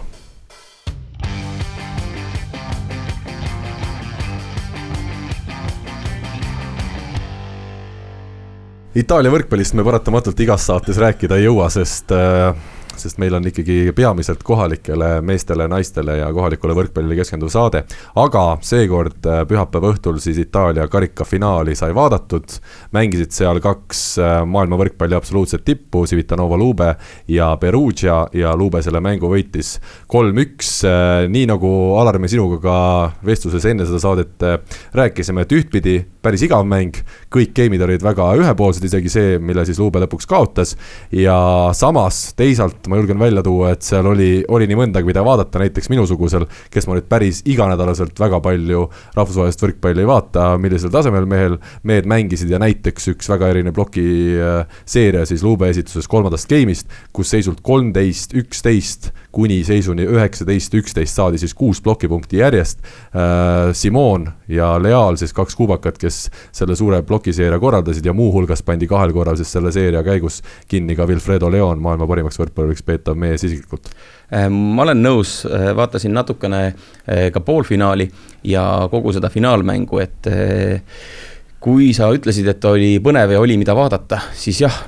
game'id olid ühekülgsed ja teinekord see kakskümmend viis, kaheksateist ei pruugi olla ühekülgne, sest seitsmeteistkümne peal või kuueteistkümne peal on ühene vahe või sa oled veel viigis. aga selles mängus tõesti seal kuueteist, seitsmeteist peal oli juba selge viie-kuuepunktine vahe üks ühele või teisele võistkonnale ja kõik game'id olid ühekülgsed aga olgu see siis kasvõi Eestis liigas mängivatele meestele korralik õppematerjal, kui eh, kõrgelt ja millise jõuga lahendati rünnakuid kuidas tihtipeale ei otsita absoluutselt enam võimalust palli platsile lüüa, sellepärast platsi peal, kui sul on tõesti Leo, Leal ja Simon ploki sees, ei olegi enam ruumi, kogu see väljak on kaetud. Eh, kui kaugele tribüünidele eh, põrkavad pallid, mis lüüakse siis ploki latva et eh, noh, rääkimata servist, vastuvõtust, kus sa lihtsalt proovid pallile ette jääda ja selle palli päästa sinna seitsme-kaheksanda meetri peale, et ta üldse mängu jääks. Eh, siis eh, midagi ei ole teha, see on täielik maailma tipp, need kaks võistkonda on tipus. ja millegipärast omavahel tundub, et sel hooajal nagu Luubel on olnud väike eelis ka meistrite liigas, nüüd peagi on meid ootamas teine turniir, kus nad jälle vastamisi lähevad ja esimesel turniiril võitis omavahelise mängu Luube, nii et Perugial on seal tegemist, et alagrupist edasi saada Itaalia koolkond, kas see mitte peaks tähendama seda, et võimalikult vähe on vigu või äh,? Itaalia koolkonnast rääkides nüüd äh,, kui palju seal itaallasi meil sees on. et äh, hirmuäratavalt mõtled jälle selle peale, kui Kuuba eest mängiksid kõik kuubakad mm. -hmm. et võitlus ju käis, kuubakad ühel pool, kuubakad teisel pool. aga enne, kui ma siin luban Kristjanil seda Itaalia võrkpalli kommenteerida, ma ühe asja tooksin veel, et treenerite võistluses jäi kindlalt peale De Giorgi ja mina ei saanud väga hästi sellest loogikast aru, et võib-olla meil on selliseid kuulajaid ka, kes natukene detailsemalt äh, süübivad, kui nad vaatavad võrkpallimängu. ehk siis äh, hollandlane Der Horst, kes mängis diagonaalründaja positsioonil äh, ühe tsoonist, kus tavaliselt diagonaalründaja väga lööb, ei väga ei löönudki. ja see mees, kes ühe pealt plokki pidevalt lõi, oli just Leon. et nurgaründajad, vahepeal ka Plotnitski samamoodi, lõid ühe pealt, ma saan sellest vangerdusest aru, sest Der Horst on tegelikult ka hea paibimängija, sa võid ta kuue tsooni viia aga Der Horst töllerdas seal platsi peal niisama ringi, ei läinud tihtipeale üldsegi paibile peale. mis tekitaski olukorra, kus näiteks mängiti tempot vahet ja kaks meest plokis said mõlemad hüpata, sellepärast et vastuvõtuga võeti Plotnitski välja, Leon oli tagaliinis ühe peal ja sul ei olnudki nagu enam kõiki rünnakukäike, sõltumata sellest, et vastuvõtt oli hea ja võrgu lähedal et Hainen, Perugia treener, on teinud mingisuguseid taktikalisi vangerdusi. võib-olla ta tunnetabki, et Leon seal ühe peal on nii hea, aga Leoni paipi siis ei eksisteerigi jällegi, mis on samamoodi maailmaklassi rünnak ikkagi. Ja teades ka seda George'it, kui põhjalik eh, just analüütilise poole ja statistilise poole pealt on, siis ma arvan, et ta nägi selle, mis poolfinaalis eh, ja varasemates mängudes on Perugiale edu toonud, nägi selle läbi ja harutas selle mängu lihtsalt niivõrd hästi läbi, sellest tulenevalt tulid ka need plokid ja, ja noh, Leoni rünnakuvead, mida oli päris palju, need olid tihtipeale juba sellises seisus, kus eh, oldi seitsme punktiga taga ja ta lõi nad lihtsalt kuhugi orbiidile. oled sa kursis, miks mängis algkoosseisus Perugial eh, diagonaalründajana Der Horst, mitte kuulus serblane Atanassievitš? seda on juba mõnda aega kasutatud, et Atanassievitšil ma ei tea, kas oli ka vigastuse häda, kolmand-, vabandust, neljandas game'is see vahetus ju tehti, Atanassievitš toodi väljakule diagonaali, Leon ja Plotnitski jätkasid nurgaründajatena, Der Horst on juba mõnda aega mänginud Perugial esimese diagonaalina ja mingi hetk see tõi edu, sellepärast et meeskond oli võidukas ja see oligi siis see taktikaline lüke lisaks sellele, et eh, nurgaründajad ei lünnanud kuuetsoonist paipi, vaid viidi veel ühe peale lööma tagaliinist. et ta mängis natukene ümber, selliste taktikaliste kavalustega eh, suudad sa vastast üllatada, aga kui sa oled juba varasemates mängudes need kavalused ära näidanud, siis vähegi tark treener juba teab, kuidas selle vastu mängida ja kuidas oma ploki sellest tulenevalt ümber siis orienteerida vaatame sidemängijate duelli ka, isegi minul jäi silma, et veel mullu siis just Perugias mänginud nüüdne Lube sidemängija Luciano De Cecco on ikkagi tõeline pallivõlur ja kui teisel pool võrku Perugia sidemängijat vaadata, itaallast Dragan Travitsat, siis tundus, et jube sihuke liht-, lihtsakoeline oli see Perugia mäng. Kristjan, kas äh, sul on siin eelnevate jutule, eelnevale jutule mingit äh, kommentaari lisa öelda või tahaks sa rääkida just sidemängija positsioonist, kus, kus Detšeko on kuulsaks saanud oma sellele uskumatule, ütleme siis stiilile, kus tõste võib temposse minna ka alt, tõstes sealt kuue-seitsme meetri pealt vahel? Äh, ei, lisada ei ole, mulle lihtsalt meeldib, kuidas Äll läheb nagu väga emotsionaalseks ja õhinaga räägib sellest, et ma, ma nimetatud mängu tegelikult vaadanud ei ole, et mu nädalavahetusel olid, olid teised tegemised ja, ja ma ei ole nii suur äh, nii suur võrkpallifanaatik, et ma väga välisliigasid jälgiks ausalt öeldes, aga on olemas ju ka meil Eestis neid mehi, kes altsööduga tempot panevad, et, et see võib-olla ei ole ka nii uus asi enam maailmas, aga aga kindlamast, kindlasti noh, loomulikult ägedat ja head taset on alati hea vaadata, noh, need nimed kõik, kes, kes siin mainitud sai, välja arvatud need kaks kuubakat, kõik nad ju olid EM-il kohal, kus sai neid laivis näha ja, ja, ja samamoodi see patuoinaks tembeldatud äh, mees, kes ei läinud paipi lööma, Ter Horst, kes siis seal töllerdas ees ja et, et kõik nad ju olid kohal ja seal meie jalagrupis kenasti, Leon kaasa arvatud ja Plotinski Plot,, Plotnitski, Plotnitski ja et, et kõik need mängijad, et äh, aga jah, ma siin äh, targutama ei hakka, kuna ma mängu näinud ei ole. mina ütlen küll niimoodi, et ei ole igapäevane, et Tšeko mängib selgelt Ravitsa üle, aga finaalis see nii oli et sidemängijate duell äh, selgelt luubele ja teine duell, mille ma siis selgelt luubele annan, on äh, peatreenerite duell. aga loomulikult äh, sellise kiire mängu eelduseks on ka ründajate stiil. maailma kõige kiiremat paipi lööb Fontarena. maailma parim kahe pealt ründav nurgaründaja on Fontarena ja sideühes väga palju temaga ka sealt mängitakse. see oli niimoodi Itaalia koondises, see on niimoodi olnud klubides. et Äh, see, et Leoniga mängitakse natukene, võib-olla tundub äh, aeglasemat palli, vahepeal tõesti nii tehakse. Äh, sel põhjusel, et tema eesmärk ongi lüüa kas üle ploki või siis nii kõrgelt, et vahet pole, kas seal on üks mees ees, kaks meest ees või kolm meest ees aga, aga selles konkreetses mängus jah, et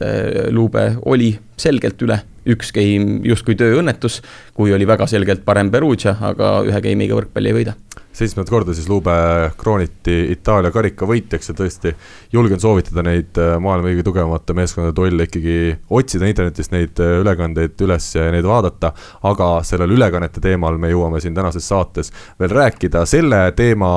teiseks äh, osaks siis väga lühidalt Soome karikavõistlustel selgusid ka karikavõitjad siis ja meestest meie Aga Volle ja Oliver Lüütsepp pidid ikkagi leppima poolfinaalis kindla kaotusega hilisemale võitjale Sastamala Valepale, keda veab neljakümne kahe aastane Mikko Esko. Kristjan, sinu, sisuliselt sinu äh, vanuseklassi mees, kas sul on Mikkoga väga palju ühiseid mälestusi?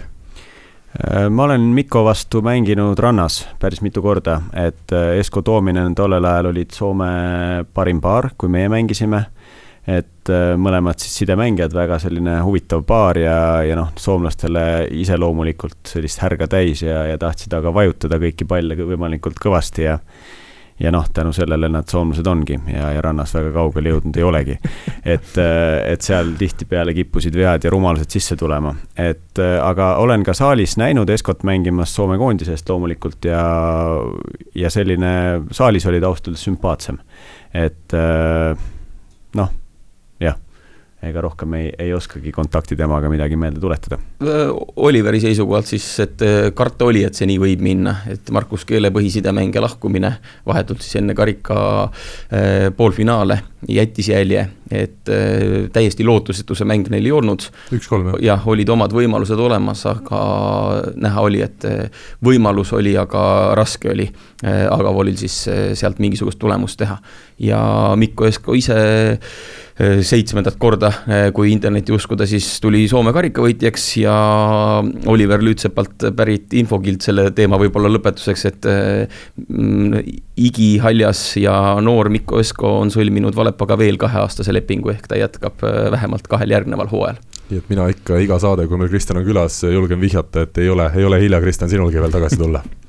Sidemängija positsioonil kindlasti jah, et eks ma nüüd ootan, Gert on liiga kõva pähkel minu jaoks saalis, et kui Gert siit jälle nagu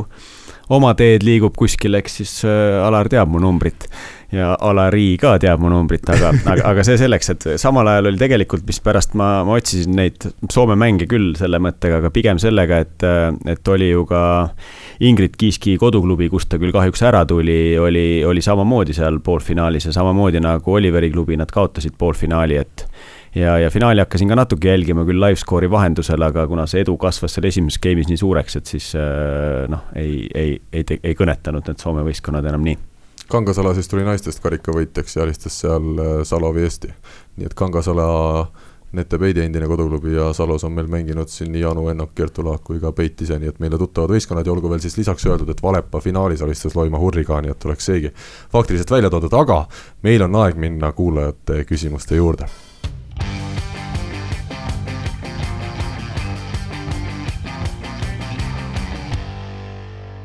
head kuulajad, taas kord tuleb teid tänada, eriti neid, kes julgevad meile siis küsimusi saata, üha rohkem neid küsimusi tuleb ja see mitte kuidagi ei tähenda, et neid küsimusi me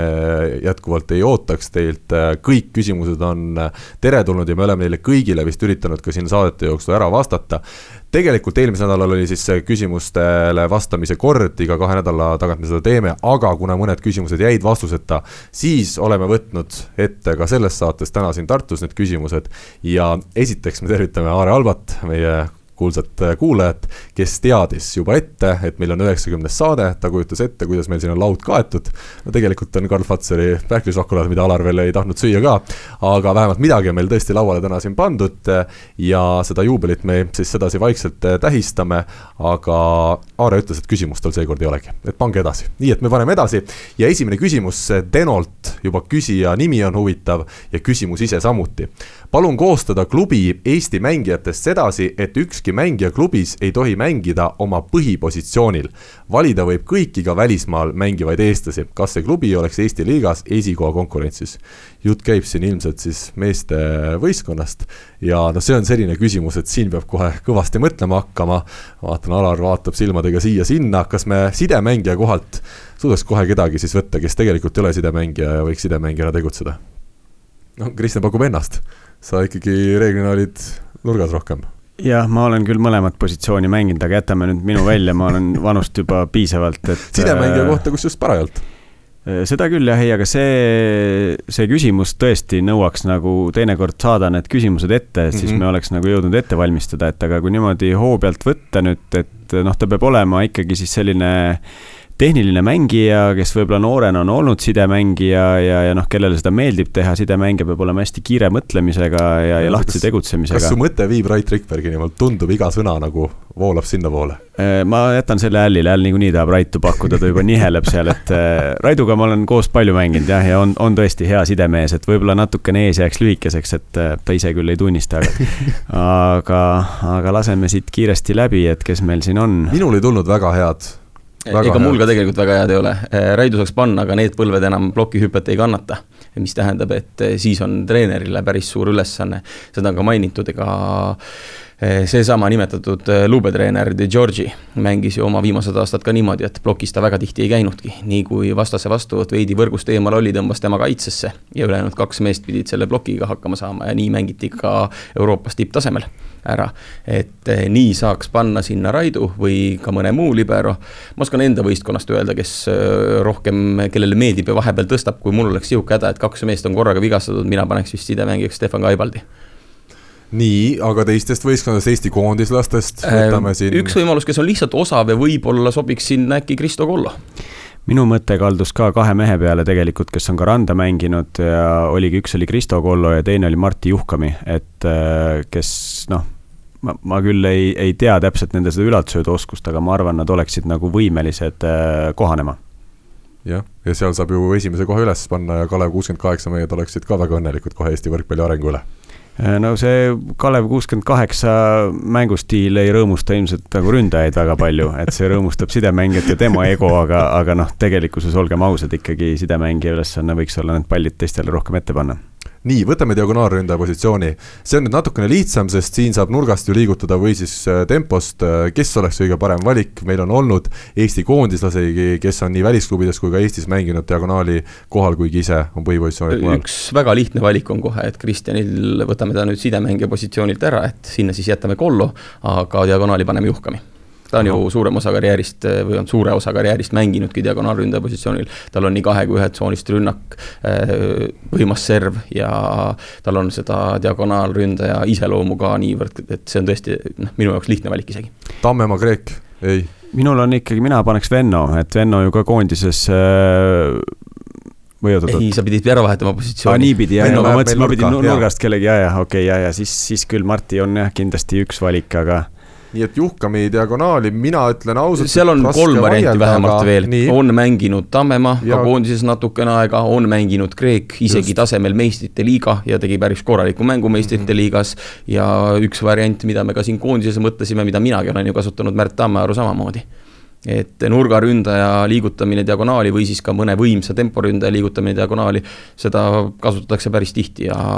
üle maailma ja eeldus on siis see, et see ikkagi nurgaründaja, keda me siin diagonaali paneme, peab olema suhteliselt pikk ja võimas kuju, et niisugune pisikene nurgamees, teda nagu diagonaali ei liiguta, eks ole no nii ja naa, et äh, ega Marti ju ei ole kõige pikem, aga vaata, seal on see, et, et need, et diagonaali on ka nagu kahte tüüpi, et ühed on sellised pikad ja võimsad, kes löövad nagu võib-olla kõrgeid ja raskeid palle nagu Venno. aga Marti Juhkami oli diagonaalis teist tüüpi, et, et tema mängis sellist kiiremat mängu, noh, mulle tundub, et pulk on sama tüüpi natukene, et noh, et, et siis on muidugi häda, kui kui servi vastuvõttu ei ole, et noh, kes see siis selle ära lööb? Tundub, et valik on tehtud, nii et sidemängijaks me siis hetkel jätame Kollo, kuna meil Juhkami läks diagonaali, meil Juhkami kõikidel positsioonidel paratamatult mängida ei saa, kuigi kindlasti Juhkami kuulab saadet ja on päris rahul praeguse meie selektsiooniga. Läheme temporündaja koha juurde, see on nüüd natukene keerulisem, ma ütlen lihtsalt kuulajatele, kuna ma tean, et meil on jätkuvalt ka selliseid võrkpallivõhikuid, kes äh, ennast harivad alles, et temporündaja peaks olema natukene pikem mees, aga samas ei pea olema väga osav no üks on lihtne valik, ehk siis mees, kes on mänginud temporündajana, mänginud supermängu meistrite liigas temporündajana, ehk siis temposse esimesena Teppan. paneme me Teppani muidugi. ja ma nüüd ütlen vahemärkusena, et see, et ma ütlesin, et temporündaja ei pea osav olema, ei tähenda nüüd, et äh, kõrges klassis temporündajad ei oleks osavad. Teppani paneme veel väikse tärniga, sellepärast et Teppan on üks mees, keda me võib-olla mitte nurgaründajana peame hoopiski kasutama nurgas. nii alati, Alar, on lihtne öelda esimesena, on ju, sina ütled Teppani ära, siis te hakkate nüüd minu otsa vaatama, et pane nüüd see teine, eks ole, kallid sõbrad. et äh, jah, et äh, tõepoolest, et pikkust peab olema, äh, osavusest sa väga delikaatselt juba rääkisid, et Teppan ju me, viimane minu saade sai ka arutatud tema kaitsemängu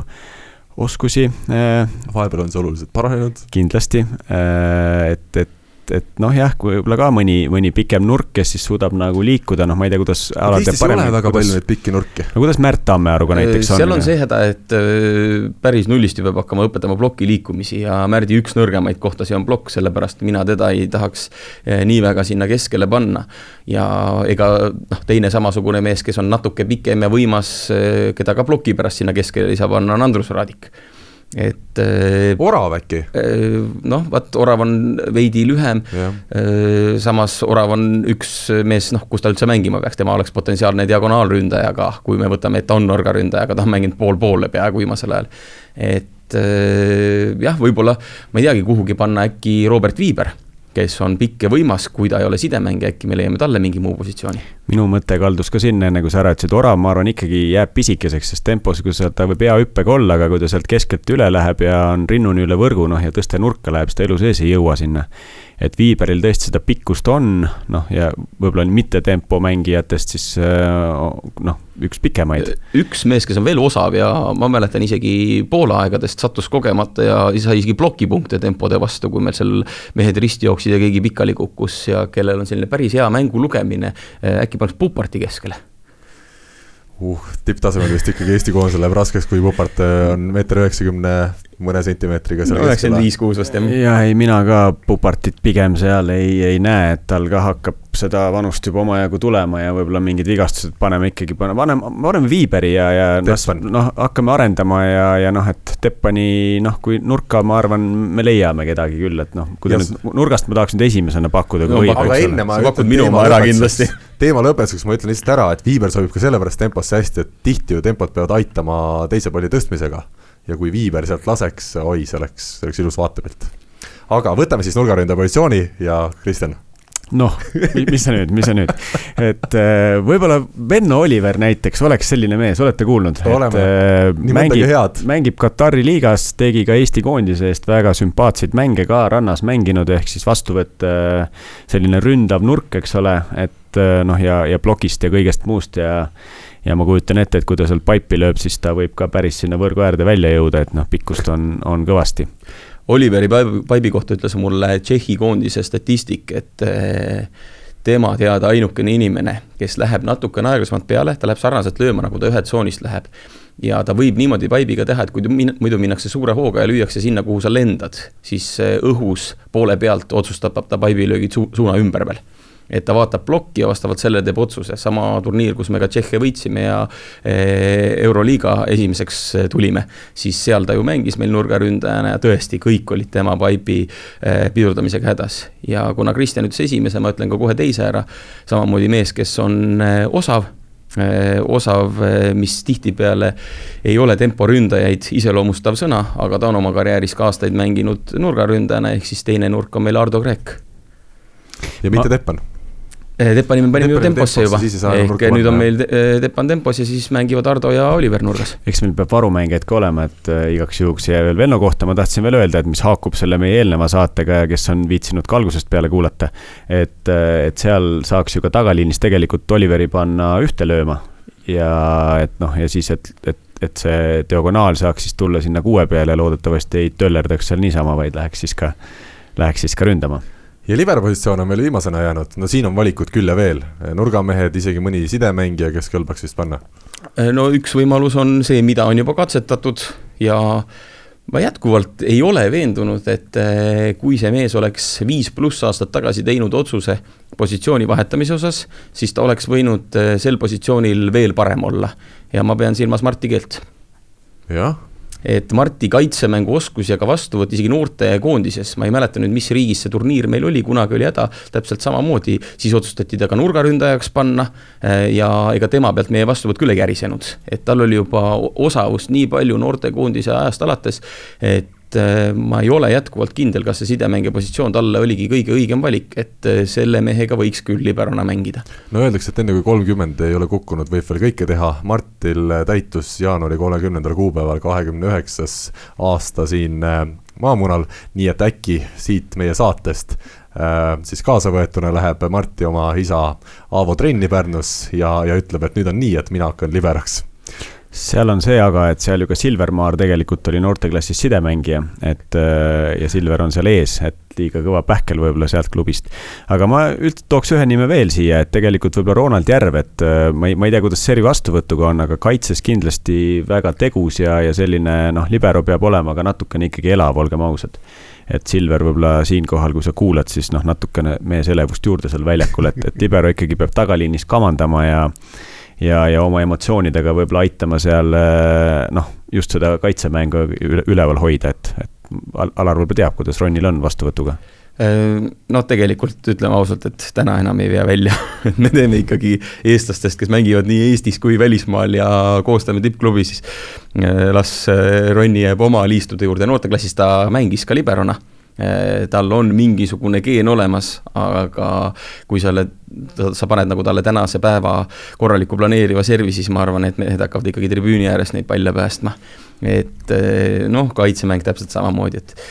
eh, on tubli ja viitsib ja see kamandamise pool ja elavuse pool oleks kindlasti olemas, aga noh, see on jälle positsioon, kuhu on lihtne leida, üks osav nurgaründaja, meil on Kollo juba ära paigutatud, kes oleks selgelt üks potentsiaalne libero. kuna meil ei ole Pupartit vist nüüd, kuna ei temposse teda ei lubatud panna. kolleegide poolt. ei tea, mis Saaremaalt ju saab ka veel. siis arvestades Puparti kaitsemängu, platsi lugemist ja mängukogemust, siis see on kindlasti üks mees, kes annaks kvaliteeti ja kui praegu Saaremaa paneks ta üks mäng liberot mängima, ei kaotaks võistkond mitte midagi ja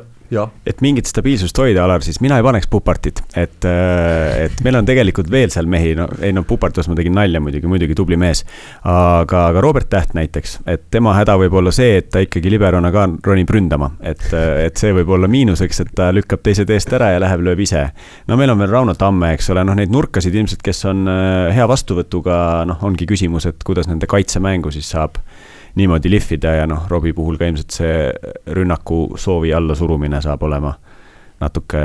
tööd vaja teha. et Robbie isegi, kui tal on libero särk seljas ja ta liberona mängib, ta ikka pärast äh, punktivahetuse lõppu läheb, ütleb sidemehele, et kuule, et miks sa mulle ei pannud tõstet? ma arvan küll ja ta läheb lööma ka, et ta lükkab mehed eest ära ja aga meie Tallinna trio siin kindlasti lisaks juurde ka ikkagi Deniss Losnikovi, kes siis ka on pikemat aega olnud nurgaründaja, aga kuna ta sel aastal on pigem olnud äh, libero, siis teda me siinkohal ei arvesta. me ei saagi arvestada, ma mõtlesin Denissi peale, aga nüüd kuhu sa paned, viimane mäng mängis ja mängis nurgaründajana, siis mängib teise mängu liberona, tal ongi kaks positsiooni. ja äh, kogu austuse eest Denissi temposse ma ikkagi ei topiks, et tal on needsamad kaks positsiooni, kuhu ta teoreetiliselt võiks panna, neid mõlemat ta ka mängib.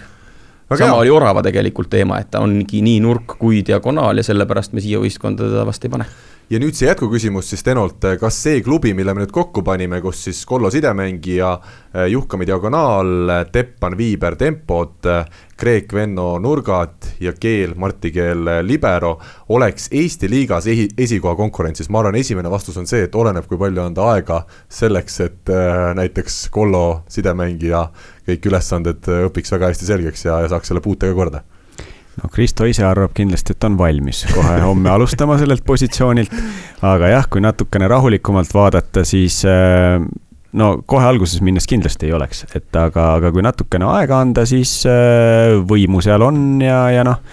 ja kui me nüüd ütleks, et see sats nagu midagi ei suuda teha, siis me nagu tõmbaks enda valikutele kohe vee peale. no ega meil on ikkagi siin tarkade klubi koos, et me panime positsioonid paika ja ega me neid juhuslikult ei pannud ja me ei pannud ka juhuslikult ühte temporündajat. me mängu käigus joonistame asjad ümber ja Viiber on meil tõstmas ja olemegi kohe Bauhti esikoha konkurentsis. et äh, ei ole keegi öelnud kohustuse, et see, kes on sidemängijana platsil, on see, kes neid palle ka tõstab, et äh, väga lihtne on seda asja ümber joonistada, sest meil on iga positsiooni mehed seal olemas. Nad võivad hakata jooksma teistesse kohtadesse ja kui sa paned selle kuuiku või, või siis need seitse meest platsile ükskõik, mis kombinatsioone sa seal kasutad, kui sa ei pea mängima klassikalist võrkpalli, et Kollo tõstab kõik pallid ja Viiber ongi ainult keskel, siis oleks äh, väga lihtne asjad ümber sättida, nii et sa oled esikoha konkurentsis. Just nii, igatahes Tenolt suurepärane küsimus, täname selle eest ja võtame siin nii-öelda autasuks ka kohe tema teise küsimuse. veel üks küsimus inspireerituna Eesti parimate valimisest, palun pange paika Eesti parim mees siis äh, järgnevates elementides, siin on lisatud, et ka naise ja noore võib välja tuua, aga meie täna selgelt päris kõike teha ei jõua, võib-olla kunagi tulevikus, siis kui meil on rohkem ka naiste võrkpallieksperte, mitte et ma ei ütleks, et Kristjan Alar ei oleks eksperdid, see kukkus nüüd natuke teistmoodi välja, kui võib-olla planeerisin, siis meie siin ikkagi täna vaatame äh, meeste osast läbi ja, ja üritame suhteliselt lühidalt ja konkreetselt siis äh, välja võtta kõige tugevam äh, serv Eesti võrkpalluritest täna meestest. no mina paneks Martti Juhkami. ma olen täitsa nõus, et Martti serv on teema relv. Eesti liigas on siin ka löönud päris ilusaid serve sel hooajal Orav, äh, Teppan on väga heasse vormi saanud ja ka koondise tasemel need ongi need mehed, kes on võimsad. Robert Täht tuleb oma võimsa serviga, Timo Tammemaa samamoodi, aga põhimõtteliselt olen Kristjani valikuga nõus, et võime isegi Juhkami jätta. ja siin korra veel täpsustaks, et Alar meil paluti üks ja lühidalt, lühidalt ja konkreetselt väga konkreetne. anname Alarile andeks, ta võib ikkagi kevadel nendele meestele Riigikogu otsa vaatama ja siis tuleb ikkagi saates kõik mehed korra kuskil eh, heas kirjas välja tuua. kõige täpsem serv? kes on selline osavuse pealt? mina tean, kes on minu võistkonnas mees, kes on võimeline servima täpselt ja pall läheb sinna, kuhu ta tahab. ja see on Gert Toobal nii. mina mõtlesin automaatselt ikkagi nüüd tugevalt hüppelt servijat planeeriva, aga ma arvan, suudavad päris paljud küllaltki täpselt servida, aga hüppelt äh, noh, tegelikult äh, ma kaldun Kollo poole, et tal on üsna hea käsi, et seal on muud hädad, aga, aga, aga käsi on tal hea. Mm, Kollo ja võrreldav natukene stiililt, eh, noh ka võimult suhteliselt sarnane on Märt Tammearu, kes meie võistkonnas tegelikult on inimene, kes on suuteline varieerima päris hästi. et Kollo seri puhul tõesti sa ei tea, kas ta tuleb lühike, tuleb ta ühte nurka või teise nurka ja Märt on võimeline samamoodi lööma, et aga jätame siis Kollo. Äh, Robert Tähte siin äh, kõige täpsema osas ei saa välja tuua mm.? Alar teab teda võib-olla paremini, ta on seal mänginud, aga minule ta pigem jätab selle, et ta eelistab nagu ikkagi minna tugevalt panema ja võib-olla noh, ei, ei ole nii no ma ei ütle, et nii tehniline mm, -hmm. aga ei ole, ei ole nii täpne. tal on olemas osavus, aga eh, seri puhul on erinevad mängijad, kellele antakse erinev luba, temal on luba riskida. ja tänu sellele, et sa riskid, tulevad ka vead ja siis sa ei hakka otsima seda konkreetset ruutmeetrit, isegi kui sa oled võimeline, vaid sa valid mugavamad suunad. kõige efektiivsem sidemängija efektiivsus, kas see on subjektiivne mõiste või me saame seda kuidagi väga täpselt kirjeldada? kui vaadata tabeleid, keegi huvi pärast hakkaks vaatama liigade efektiivseid sidemängijaid, siis sinna etteotsa tekivad väga naljakad nimed, sellepärast et äh, valem arvestab äh, tema väljakul oldud aegade jooksul maha löödud palle, tihtipeale satuvad sinna hoopiski vahetussided. et et äh, mina ikkagi hindaks efektiivsust seda, et kui täpselt äh, ja kas siis ühese ploki vastu sa suudad äh, oma mängijad mängida. heal päeval ei näe ma Eestis Gerdile vastast siin on väga raske vastu vaielda, et Gerdil on nii palju kogemust ja nii palju mänge mängitud ja, ja, ja pea ka väga hea otsas, et noh, oleks ta Tallinna stuudios, võib-olla Andres Toobal tahaks ennast pakkuda, aga, aga, aga ma ikkagi siin Tartus me valime Gerdi no kuna Andresel ka ei ole isegi mitte onupoja poliitikaga siin puhul tegu, vaid vennapoliitikaga, siis küllap temagi seekord meil raske südamega nõustuks. kõige parem blokeerija, kas mina olen aru saanud, ikkagi hinnatakse, meil on kolm väga tugevat temporündajat, Andrei Aganits, Ardo Kreek ja ja Timo Tammemaa, aga et Aganitsal just see plokk on kõige võimsam ikkagi või? Seal ei ole küsimus ainult võimus, vaid seal on küsimus mängu lugemises, otsuste tegemises,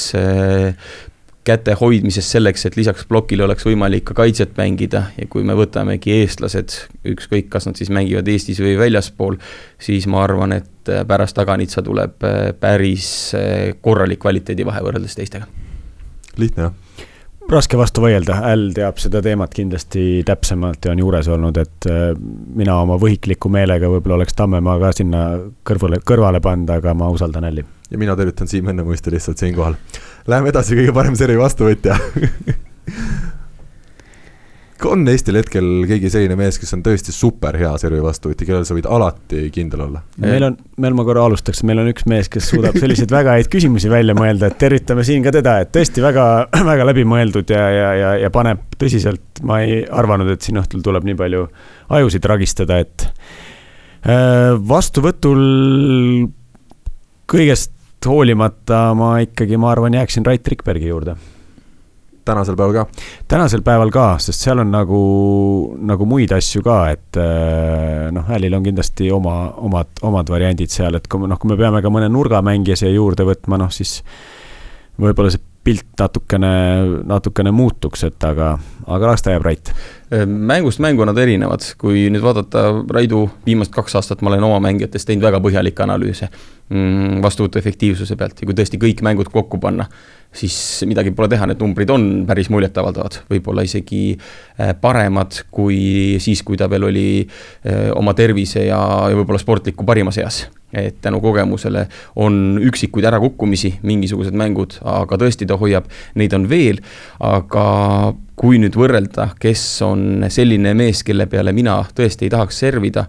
ja peaaegu kõikides mängudes, kui ta tuleb platsile tervena, siis kuidagi ei hakka see eh, küün sinna taha, ehk ei saa teda eksima ja ei saa tema vastuvõttu isegi kolmest meetrist välja. et see võib olla natukene üllatav nimi teiste jaoks, aga ma, mina hindan vastuvõtus ülikõrgelt Taavet Lepikut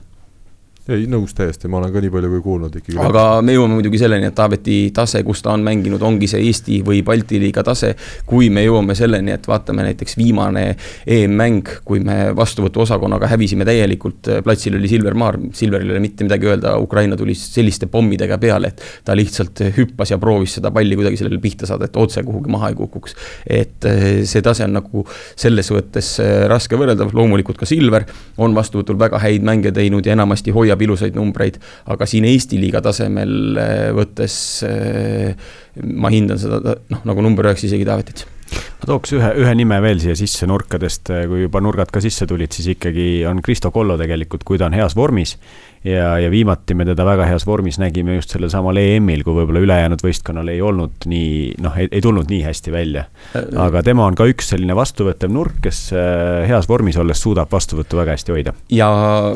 Kristjani jutule jätkuks, praegu on näha, et vastuvõtukindlust tal ei ole et kui ma peaks valima, kas ma servin Losnikovi või Kollo peale, siis tänasel päeval ma ütleks, et servime ainult kõik Kollo peale. Aga nüüd selle Rikbergi teema jätkuks, mina küsin niimoodi, et Rait Rikberg on ka ju suure osa karjäärist, sisuliselt kogu karjääri mänginud Eestis ja Tartus, et äh, kas ei ole täna mitte nii, et kui sul on, ütleme, Robert Tähel on Poola kõrgliigas vastuvõtuprotsent keskmiselt viiskümmend viis ja noh, ma ei tea, kellelgi Eesti liigas on seitsekümmend, siis täna see viiskümmend viis Poola liigas on tegelikult oluliselt kõvem näite, sest seal lüüakse nii palju tugevamat servi. Äh, natukene liiga palju nüansse, äh, nüansse, kes võtab millised vahed vastuvõtul, kui palju kaetakse või liigutakse kellegi poole. selge see, et äh, ruum, mis jäetakse liberole vastuvõtuks ka Eestis, ka mujal, on mõnevõrra suurem. ma ei ole näinud nii palju seda Rešovia mängu, et ma julgeks öelda. aga selge on see, et Roberti tugevus võrkpalliplatsil ei ole tema vastuvõtt, tema tugevus on tema serv, tema tugevus on tema rünnak ja noh, vaadates seda kõrgust ja võimu, mis tal on, tegelikult ka plokk on tal ikkagi maailmaklassiline et vastuvõtt on pigem see, kus ju Eesti koondises teda kogu aeg on pommitatud. ja kui sa võtadki nüüd võrdluseks, et tõesti, Silvermaar ei ole mänginud kuskil mujal kui Eestis või Rait ainult pool aastat oli Belgias, siis Eesti koondises on nad saanud vastu võtta eh, Itaalia, Prantsusmaa, Venemaa ja muude tippriikide serve. ja seesama näiteks Kalevi spordihalli mäng Venemaaga ei saaks nüüd öelda, et seal me oleks eh, oma vastuvõtuga ära lagunenud või meid oleks eh, see serviga puruks pekstud, välja arvatud siis tervitused Max Žigalovile, kes tuli ühe game'i lõppu lihtsalt ära tegi oma müstiliste servidega. kindlasti Max kuulab meid, see ma võin Maxile sõnumi saata ja öelda, et ta kuulaks selle saate järgi, jah. mis puudutab nüüd Robert Tähte, siis võib-olla me jah, oleme, et tegemist on ikkagi Eesti no, top kolm mängijaga kindlasti, et me oleme talle võib-olla natukene vähe tähelepanu siin pannud, et seda viga parandada, siis ma ikkagi tuleks tagasi selle Teno esimese küsimuse juurde ja paigutaks selle Robert Tähe ka sinna meie võistkonda, sest ta on äge kuju, teda saab mitmel pool kasutada, jäägu ta siis diagonaalründajaks või, või liberoks, nagu mina pakkusin, aga selle muidugi kaaskülalised hääletasid millegipärast maha et.... ma arvan, et jah, sellesse võistkonda Robbie võiks panna ka ja ei ole hullu, tal on päris hea äh, touch ka, nii et ta saaks sidemängijana ka hakkama. võib-olla diagonaaliks siis esialgu varusse, et siis Juku ei tunneks ennast väga kindlalt seal diagonaali koha peal ja Robbie kogu aeg tahaks nagu suruda ennast väljakule. ja siis et... surub ka Kollot, kui Kollo tõste kõikuma hakkab. no Kollot ei tohi väga palju suruda Juh-, Juhkami puhul me saame siin ju ka ta välja ikkagi tuua, servi vastus minul hinnangul sel hooajal vähemalt Saksa Saksamaal tal kehv ei ole olnud, kuigi ma tean, et Eesti koondises teda ei ole väga kõvaks vastuvõtjaks peetud jah, mm, vaadates Saksamaa statistikanumbreid, vaadates, ma ei tea, Prantsusmaa liiga statistikanumbreid, siis need ei ole asjad, mida väga tõsiselt võtta. et on üksikud liigad, kus eh, numbritele otsa vaadates võib uskuda tõde, eh, eelkõige Itaalia ja Poola ja sealt võib-olla tulebki juba kriips vahele tõmmata teiste liigadega võrreldes. et eh, see ei anna kindlasti täit pilti ette. Eh, Juhkami on läinud paremaks vastuvõtul väga selgelt jälle üks mängija, kelle positsiooni muutus, ehk siis diagonaalründajast nurgaründajaks jäi minu hinnangul natuke hiljaks. ta võis kaotada paar aastat oma karjäärist tänu sellele. aga noh, jällegi tegemist on hoopiski ründava nurgaga ja ma ei ütleks, et ta nüüd on Eesti parim servi vastuvõtja ma Marti osa veel täiustaks, et Marti valiti ju Eesti parimaks võrkpalluriks see aasta. et või möödunud aasta, vabandust, et, Marti sai juba esimeses Steno küsimuses päris palju positsioone, et las muidu ka Martil tekib ka mulje, et, et ta noh, on läinud väga heaks. ja veel üks asi, et siin statistikast rääkides, kui jälle selle teema sisse tõi, siis kõige usaldusväärsem statistika minu arust, mida mina olen näinud, on äh, naiste Balti liigas Leedus tehtud statistika kus vastuvõtuprotsendid on seal ikka vahepeal on kaheksakümmend, üheksakümmend protsenti. nojah, mõnikord isegi võivad sinna üle saja minna, et noh, et kui seda vaadata, vaat siis igasugune mujal tehtud statistika tundub puhas, puhas kuld. seal on ka põnevad lähenemised, tundub, et iga altsööt on rünnak, ehk siis tihtipeale võib näha, et liber on rünnanud kakskümmend neli korda mängus. ja neist seitseteist maha. jah nii et Leedu võrkpallil veel natukene arenguruumi on, mitte ainult Karlstadi võistkonnal, vaid üldisemalt. aga kes nüüd siis läks meil parimaks seri vastuvõtjaks, mina siit konkreetset vastust ei saanud, kas meil läheb Rait Rikberg või me ikkagi võtsime sealt kedagi teist lõpuks välja? me selgelt Alariga ütlesime, et Rait Rikberg, sina hakkasid siin teemat laiendama. ei, tegelikult me ei öelnud väga selgelt, Kristjan valis Raidu, mina valisin Lepiku. ja nüüd valid sina ohohoo, no mina tahan ikkagi, et äh, Taavet Lepik ka hakkaks jälle paremini mängima, koondises ennast tõestama, siin Raidul ka on vanust nii palju peal, et äkki Taavet saabki siit sellist indu meie saatest veel karjääri pikalt-pikalt jätkata, olla terve ja siis ka Eesti koondises kerkida parimaks eri vastuvõtjaks, selline on minu unistus äh,. väga Taaveti suhtes hea valik, aga muidu halb valik, kui sa veel tahad Tartus saateid teha, siis sa ikkagi peaksid ka Tartu mehi natukene toetama, aga, aga hea küll. ma mõtlen laiemalt, ma tahan Pärnus ka saateid võib-olla kunagi teha Läheme edasi ja võtame siis järgmise asi, asja kõige parem kaitsemängija Eesti võrkpallis tänasel päeval. no siin peab vist ikkagi liberost siis äh, keegi liberatest olema no Alex Saaremaad ilmselgelt panna ei saa, et äh, selle ma välistaks ära esimese hooga, et äh, nojah, et kui me nüüd Taaveti panime sinna, ma tuleks ikka Raiduga, et, äh, et Rait liberotest ikkagi on hea, noh. olid head ka mõlemad vennad Esnad kahtlemata, aga nemad nüüd teevad mõlemad treeneritööd, et et esimese hooga ka need, kes liberos, liberot on koondises kasutuses olnud, minu jaoks jäävad Raidule alla Äh, jah, seal on väga erinevad mängijastiilid, et äh, see sõltub nüüd ju treeneri soovist. kui meil tuleb äh, koondises Gretu-sugune mees, kes tahab süsteemset võrkpalli, siis tema number üks valik oleks ka veel sellel aastal Rait, kui tema peaks koondist juhendama. nüüd on meil uus treener, eks näha ole, milline see käekiri on. Kiiruse, reaktsiooni, liikuvuse, ühe käega üles toodud imeliste pallide ja kõige selle seisukohalt ma panen number üheks Silver Maari. Ja kohavaliku, mängu lugemise ja ka uskumatute pallide ülestoomise poole pealt ma ei võtakski liberot, vaid Keit Puparti väga hea, jätame selle nii, ma arvan, et siin ongi võimatu anda kokkuvõttes ühte vastust, sest kaitsemäng, nii nagu Alar just selgitas, on, on palju rohkematest elementidest koosnev äh, üksus. Äh, võtame järgmise küsimuse siis, kõige asendamatum mängija platsil. jälle väga subjektiivne aga kes siis kõige rohkem on võimeline andma meeskonnale juurde Eesti võrkpalluritest tänasel päeval, kas kuidagi sedasi võiks seda defineerida? Ehm, ma enne Kristjanit vastan ära selle, et see sõltub võistkonnast. Jälle, jah? kui sa vaatad, et eh, kellel ei ole asendust, siis eh, võib-olla esimesele kohale peab panema Valentin Kordase praegu kui Kordas võtta TalTechist ära, siis mis jääb sellest võistkonnast, õmpu ei too seda kvaliteeti. ükskõik, kas see Kordas oli seal nurgas või on ta diagonaalis, siis oma võistkonnas on ta asendamatu. aga ma ütlen veel, ega see pall ei jõua Kordaseni, kui ei ole seal sidemängijat ja Eermaa on praegu ikkagi TalTechi sidemängijatest selgelt number üks või ei või? pigem ma arvan, et kui sa paned Kallendi talle ette tõstma, siis nad on mänginud ka Kallendiga mänge, on ka võitnud mänge siin ajaloo jooksul ja on ka hästi mänginud, et tema oleks nagu oma võistkonnas täiesti asendamatu. korra ma juba mainisin, täpselt samamoodi ma toon selle Taavet Taavet Lepiku siia sisse, sest tema on Pärnus üsna asendamatu ja kui teda ei saanud asendada, siis kukkus Pärnu välja karikasarjas ja võttis riburada pidi kaotusi vastu ka Kredit kakskümmend neli meistriliigas kõikidelt võistkondadelt. ja laias plaanis, kui meil ei ole ikkagi Oliver Venno olnud koondises väga hea, siis see on ka on aegu, kui Rene Teppan on suutnud teda koondises Tõsi. asendada, aga, ja edukalt asendada, aga jõuangi, et sellele küsimusele Kristjan vastab ja pakub, aga mina ütlen, et see sõltub võistkonnast. ja ka positsioonist ikkagi nojah, te vaatategi väga võib-olla spetsiifiliseks lähete, et minu jaoks see asendamatu noh, positsioonid ei ole ju võrdsed, et kui, kui sa sidemänge ära võtad, noh, loomulikult seal tekivad kohe esimene auk, aga kui me vaatame nagu üldisemalt, siis see asendamatu mängija minu jaoks peaks olema selline, kes äh, võib-olla suudab seda meeskonda liita. liita nii mänguliselt kui liita emotsionaalselt, et noh, Taavet natuke sinna alla läheb kindlasti, et äh, talle kuidagi liiga tegemata, mina tooksin hoopis äh, selle aasta Eesti liiga põhjal võib-olla Andrus Raadiku kes oma selle olemusega ja, ja, ja kõikidega muude platsiväliste asjadega suudab nagu meeskonda koos hoida.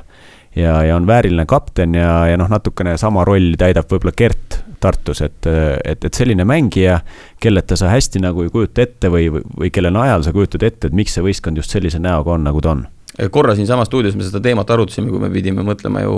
kes meil olid eh, karikavõistluste parimad ja punktide järgi tõesti särasorav, aga ka siis sai see välja toodud, et eh, MVP oli ju Raadik, et eh, jätame Raadiku siia. Minu arust Rinaldo tookord ikkagi hääletas orava kasuks jälle võhikuna, aga, aga noh, aga nii on. Ohohoo, ma lootsin, et Kristjan ei tuleta seda meelde, aga paraku oli hea mäluga tegu. võtame siin järgmise asja siis ette, ütleme, see asendamatu mängija siis jäi meil natuke lahtiseks, aga läks Raadik. lepime nii seekord. kõige rohkem aastaga arenenud Eesti võrkpallur see on keeruline küsimus. kas jutt käib nüüd sellest äh, hooajast või, no või kalendriaastast? ma ei ole või... Tenoga pikemalt äh, vestluses olnud, ma arvan, me võime valida nii, nagu me soovime, viimane aasta on jah, subjektiivne mõiste, võtame siis viimane kalendriaasta. kahe tuhande kahekümnendal aastal, kes kõige rohkem arenes Eesti võrkpalluritest. See paneb kohe mõtlema no see paneb mõtlema jah, ma ei, ma ei ole neid välismaal mänginud mängijaid äh, näinud, et äh, kuna ka koondise mänge ju ei olnud, siis noh, ei oska nagu sealt kohast võtta, et, et pigem võtaks siis nagu püüaks Eesti liigast mõelda. et, äh,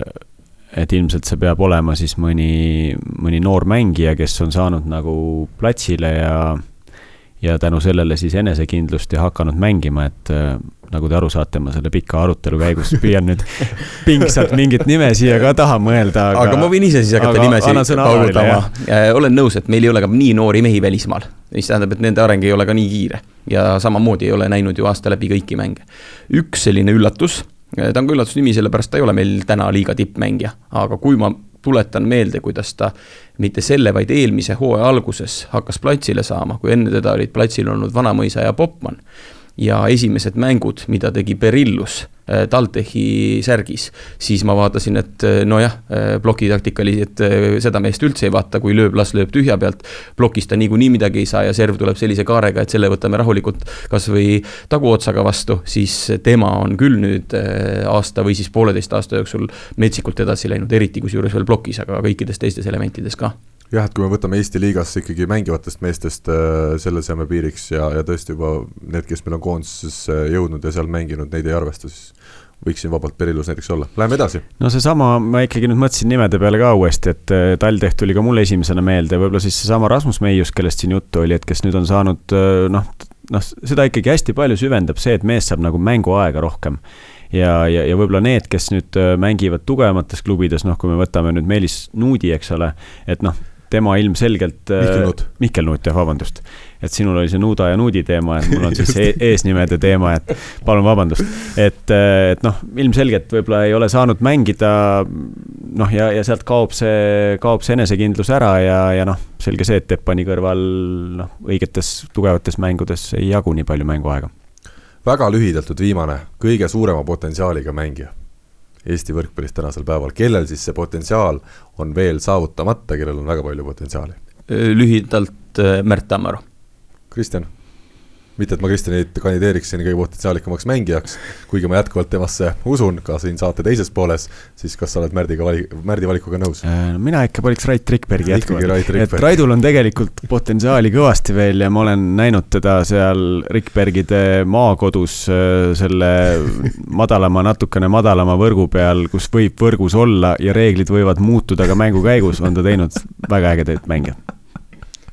väga hea, ma arvan, et sellega on meil hea lõpetada Teno küsimused, suur aplaus Tenole, meil ei ole täna siin Tartus kahjuks seda pulti, kus me saame aplausi lasta, nii et peame ise tegema selle aplausi ja parim, parima küsimuse auhinna saab.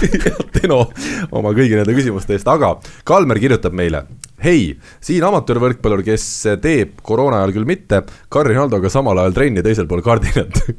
Ma kujutan ette, see on autentse spordihoone, kus tõesti vist teisel pool kardinat meie Rahvaliiga trennidega on käinud äh, mingi pank tegemas oma trenne. Ja mul on hea meel ja ma arvan, et äh, Kalmer, ka sinul on hea meel, et sa just äh, oled seal teisel pool kardinat, sest tänu sellele on sul loodetavasti austus minu vastu säilinud ma arvan, et kui sa mind mängimas oleksid näinud, siis sa võib-olla üldse ei kuulaks saadet ja veel vähem kirjutaksid meile. aga väga tore podcast ja kuulame seda koos üheksa, üheksa-aastase tulevase võrkpallikoondislasega meeleldi. mul on vähemalt kaks küsimust teie saatele, millest ühe küsin kohe praegu. millised kanalid on parimad Euroopa võrkpalli jälgimiseks, nii tasulised kui ka tasuta ja nii veebikeskkonnad kui ka tavakanalid ning nii otse kui ka järelvaadatavad. see on nüüd asi, mida Kristjan äh, siin mainis saate ühes äh, siis varasemas osas meil täna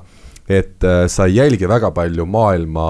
klubi võrkpalli, kas see põhjus ongi selles, et siis lihtsalt sa pead olema mingi meeletu IT-arendaja, et sa tänasel päeval saaksid kõik mängud nii kätte hea kvaliteediga ja nii edasi, et neid üldse näha, et kui sul oleks igal õhtul, ütleme TV3-s näidatakse Euroopa klubi võrkpalli tippu, siis sa ilmselt vaataksid seda rohkem. Kui ta tuleks telepilti, siis ma kindlasti vaataksin jah, aga, aga ma ei, ma ei ole ka tänasel päeval nii suur võrkpallifänn, et ma,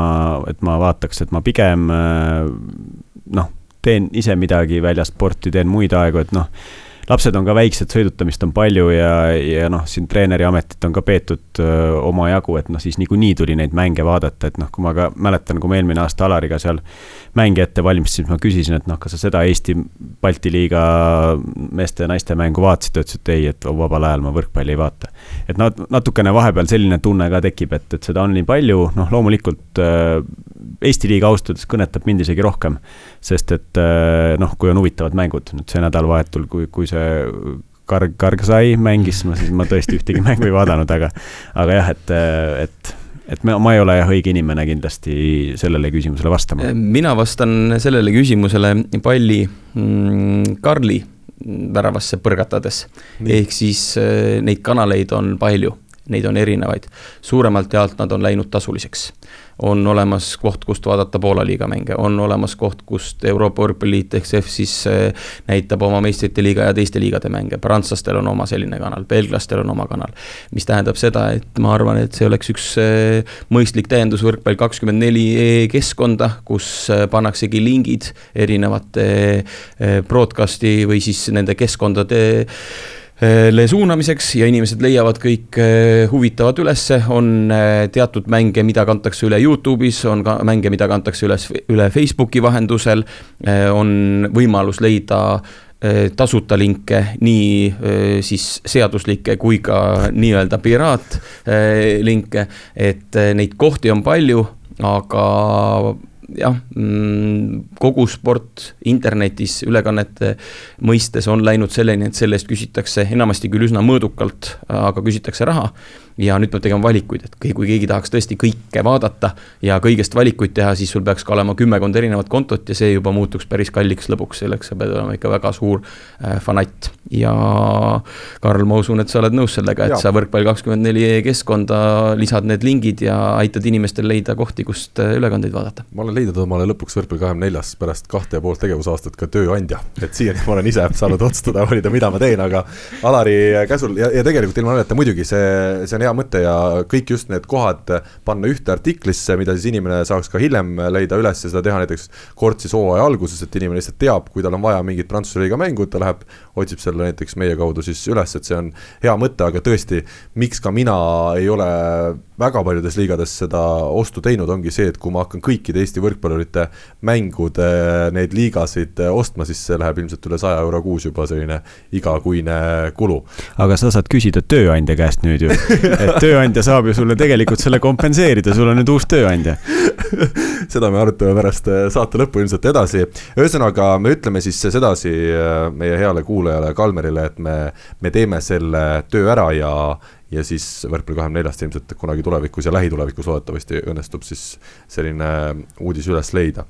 Ain Arend kirjutab meile, hei, jätkake oma suurepärase saate tegemist, tänud selle eest. minu kuulaja küsimus on aga järgnev. miks ei toimu võrkpalli ümber digitaalselt nii palju arutelu, just digitaalset? kuna oma puntides arutatakse mänge alati. näiteks peale väga vinget karikafinaali ei olnud võrkpalligrupis siis võrk äh,, Facebookis ühtegi postitust, mis mängu analüüsiks. ometi on see kõige aktiivsem võrkpallifoorum, ta peab siis silmas siin meeste karikafinaali, mis meil detsembris äh, toimus, kuna see küsimus on ka seejärel esitatud. võrdluseks näiteks korvpallis on ka pärast äh, suvalisi mänge aktiivsed arutelud nii korvpalli Facebooki grupis kui ka mujal. kas põhjused on ajaloolised, võrkpallil pole kunagi olnudki aktiivset foorumit, Kossus on, oli Graamo foorum, just arutati muid, kus arutati ka muid Kossu teemasid, nüüdseks ka hästi töötavas äh, F Facebooki grupis, jalkal on Sokernet ja nii edasi, või puuduvad võrkpallihuviliste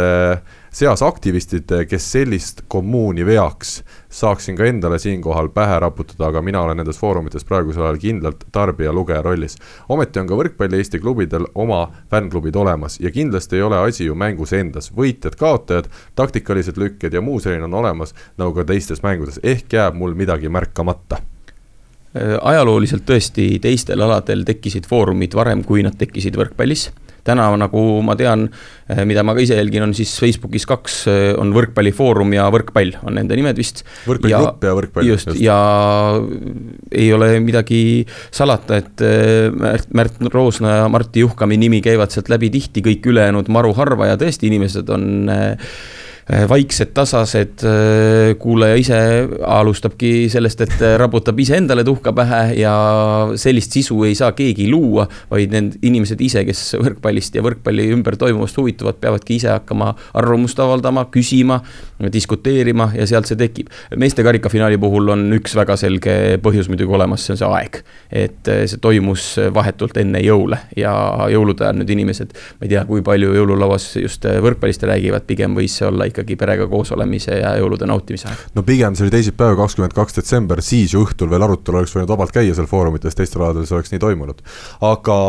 see on ka mind äh, pannud küsima, seesama küsimus, miks ma olen seda jätnud ja lükanud edasi, et seda saaks natuke pikemalt arutada, ongi see, et siin neid põhjuseid ilmselt on palju, tõesti see ajalooline põhjus on üks asi, et mikski asi ei teki hetkega, need inimesed, kes julgevad sõna võtta avalikult oma nime alt, need peavad kuidagi tulema aja jooksul, see tunne peab tekkima, et kaasa võib rääkida oma nime alt täitsa mõnusalt ja arv, avaldada arvamust, see peab tekkima kuidagi. Ja mul on õnneks tundunud, et nüüd siis ütleme, ma ei tea, poole aasta jooksul mil tõesti Mart Juhkami meeletult on vedanud ka seda võrkpalligruppi just seal Facebookis, on tekkinud neid inimesi natukene juurde, kes julgevad sõna võtta ja ei ole nii, et ainult Juhkama ise kirjutab ja Roosna viskab selle ühe nalja veel vahele või paneb ühe video kuskilt Youtube'ist ja ongi kogu suhtlus, et eh, tänud Martile ja, ja Märdile selle suurepärase eestvedamise eest, aga mulle tundub, et neid inimesi on tulnud õnneks ka juurde, tänu, tänu neile en,. enne kui ma Kristinile sõna annan äh,, nii palju, et äh, inimesed on ka erinevad ja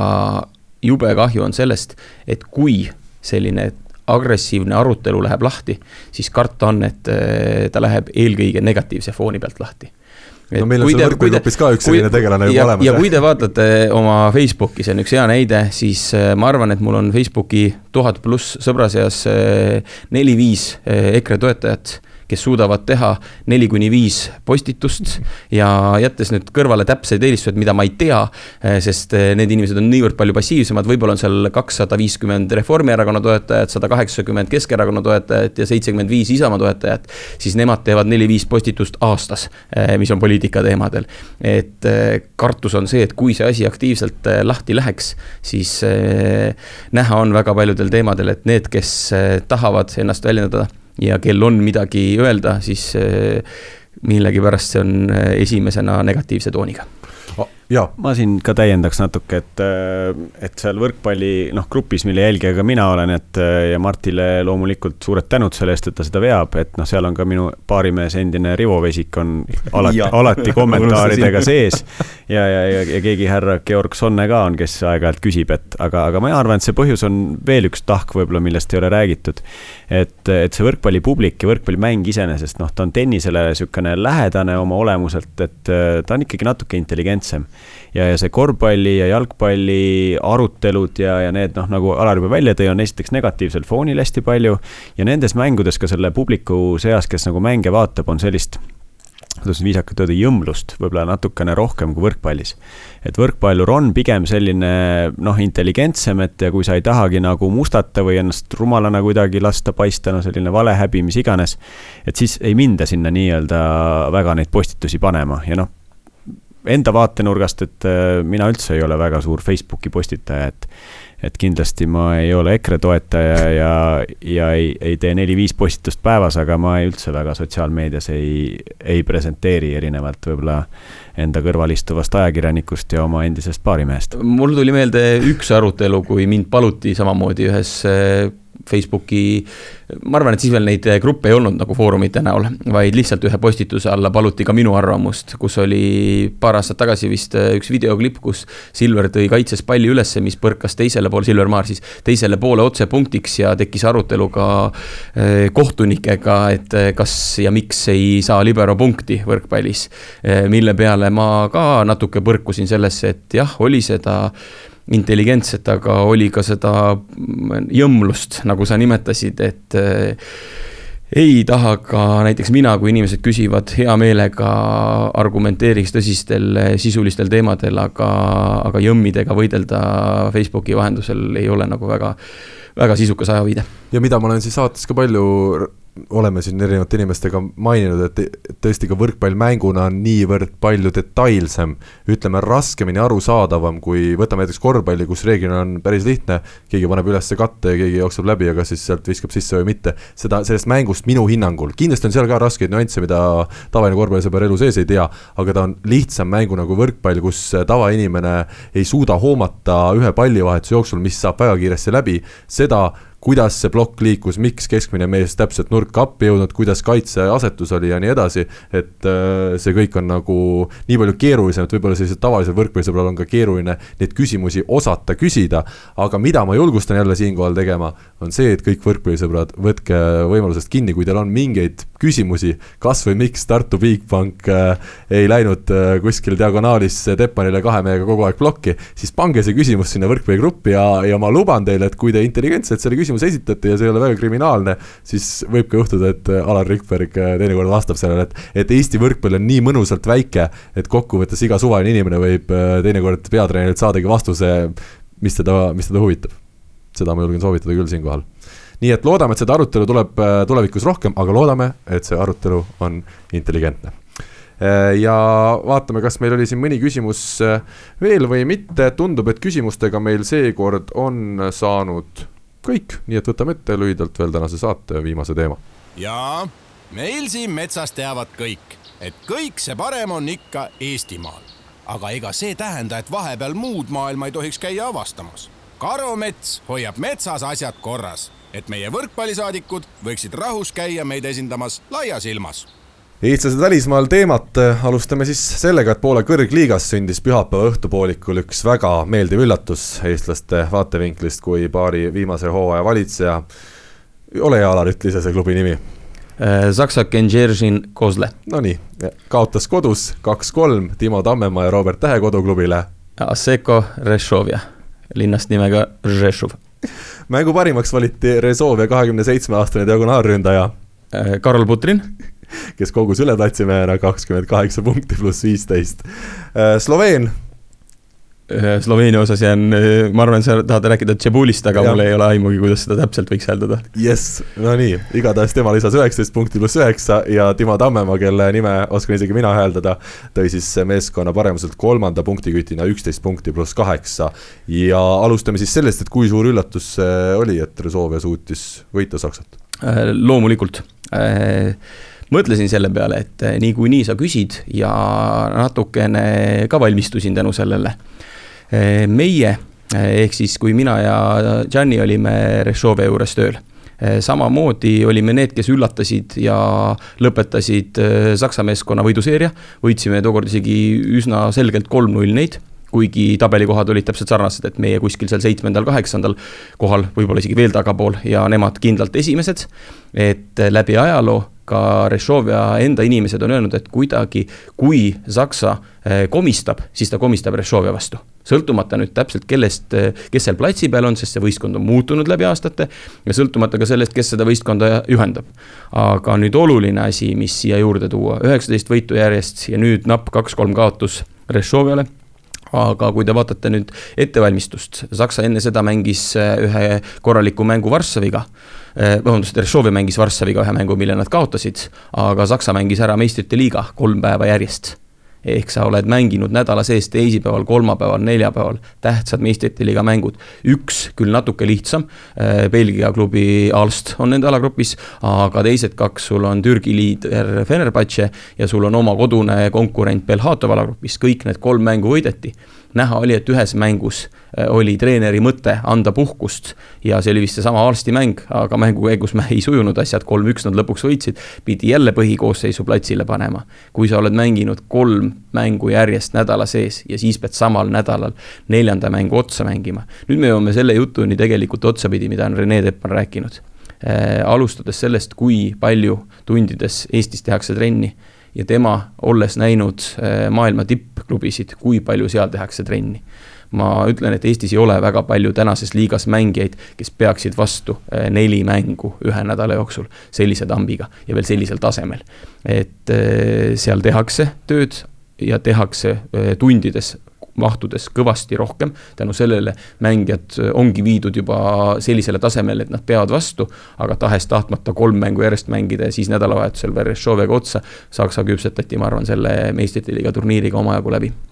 aga üks asi on ikkagi see, et äh, jah, need äh, tippklubid teevad rohkem trenni, jõuavad rohkem mängida, peavad neli mängu ka vastu, aga mida rohkem ma olen kuulnud neid nii-öelda sisejutte nende klubide seest, seda rohkem on ikkagi aru saada, et need mängijad on katki ka ja nad mängivad väga tihti mingite vigastuste, kiuste, mingite tablettide peal, et see on ikka, see tippsport on tänasel päeval karm ja tervisele mitte väga hästi mõjuv tegevus. see on päris karm ja toon nüüd siin ühe lause, mis ma hiljuti just lugesin, mul on praegu kodus pooleli Paul Kerese raamat ja male kohta, eh, siis juba kuuekümnendatel toimus see tõsine muudatus, kus eh, malemäng ei olnud enam mäng, vaid malemäng oli töö. Ja võrkpalli, nagu ka paljude teiste spordialadega maailma tipus ongi juhtunud, et eh, see sport ja mäng ei ole enam mäng, vaid see ongi üks raske töö, mida tehaksegi sellise piiri peal, et sa riskid oma tervise hinnaga aga me ikkagi soovime õnne Timo Tammemaale, selline võit on igati tore ja kui ma õigesti aru sain, siis ta pääses nüüd tänu sellele Resolvega ka Poola karikavõistlustel veerandfinaali, mingisugune? Jah, ma ei Kahe ole see aasta vaadanud, aga aastaid on kehtinud selline süsteem Poola karikavõistlustel, et äh, mitme kuu vältel mängivad kõik madalamate liigade klubid omavahel läbi. Ja selle pika, ma ei tea, see võib olla seitsme-kaheksa ringine turniir, tulemusena selgitatakse kaks edukamat meeskonda, kes pääsevad Poola karikavõistluste veerandfinaali ja nendele eh, lisandub Äh, kuna sel aastal mängud läksid sassi, vanasti oli esimese ringi lõpus, nüüd on siis mingisuguse kuupäevaga kuus parimat plussliiga meeskonda. ehk siis vahemikus seitse kuni neliteist plussliiga meeskonnad karikavõistlustel ei saagi osaleda ja mõned aastad on sellist süsteemi juba harrastatud. ehk esikuuikus nad on ja ma eeldan, et see süsteem siis pole muudetud ja sellega nad äh, karikavõistlustele ka pääsesid. ja esiliigast siis kaks paremat pääsevad äh, veerandfinaali? E, jah, ja see on nüüd küll koht, kus minu teada ühelgi aastal veel üllatust ei ole sündinud, ehk ükski esiliiga klubi ei ole sealt edasi poolfinaali küll purjetanud usu mind, nüüd Tallinna Ülikool, Eesti esiliiga esiklubi hakkab siin mõtteid genereerima ja. jah, aga ta on osalenud karikavõistlustel ja ta on proovinud purjetada, aga ta ei ole purjetanud. panevad näiteks sellise mõtte Võrkpalliliitu, et ainult meistriliigast esimene pääseb ja siis teise finalisti selgitavadki esiliiga võistkonnad, kes mingil hetkel on siis esiliigas esimene, see pääseb kohe finaali. ja siis tundub aus ja ilus. Eestis on seda ju juhtunud küll, et ma olen isegi esiliigat mängides jõudnud välja karika poolfinaali ja me Selverile kaotasime tookord seal kolm-üks. mis võistkonnaga?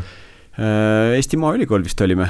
ma ei mäleta, kas see oli juba Maaülikooli nime all, selge oli see, et ja. nii Kristjan kui ka teised äh, Tartu, kes sel ajal ei olnud Bigbank, vaid oli pereleib, Farmklubi lepinguga said mõned mängijad liikuda ka esiliigasse ja tõesti, see poolfinaal ei olnud absoluutselt mitte ühekülgne. Äh, Tartu sai ka finaali. ja seal oli täitsa reaalne, et finaal on Tartu-Tartu Tartu võitis kolm-kaks finaalis Selverit, äh, aga meile jah, Benno mängis tollel ajal Bigbankis või siis noh, Tartu pereleivas ilmselt ja, ja võib-olla me olime mingi Duo Volle või mingi selline võistkonna nimi, aga aga meil oli jah, meie saime rendilepinguga oli meil Ragnar Pähn ja tõstis meil Raivo Simson ja niisugune väga. Teil võis ka Argo Arav tol ajal. Argo oli ka jah. Argo oli igas võistkonnas minu arust, mis kunagi on midagi natuke teistmoodi teinud. täpselt jah, Argoga me olime nurgad ja nii ta läks, ma ei mäleta, kes seal keskel oli, et me lõime välja siis selle TalTechi või TTÜ, kes mängis meistriliigas eelnevalt ja, ja noh, ma arvan, et kui me poleks Selveri otsa komistanud, me oleks kindlasti karikavõitjad olnud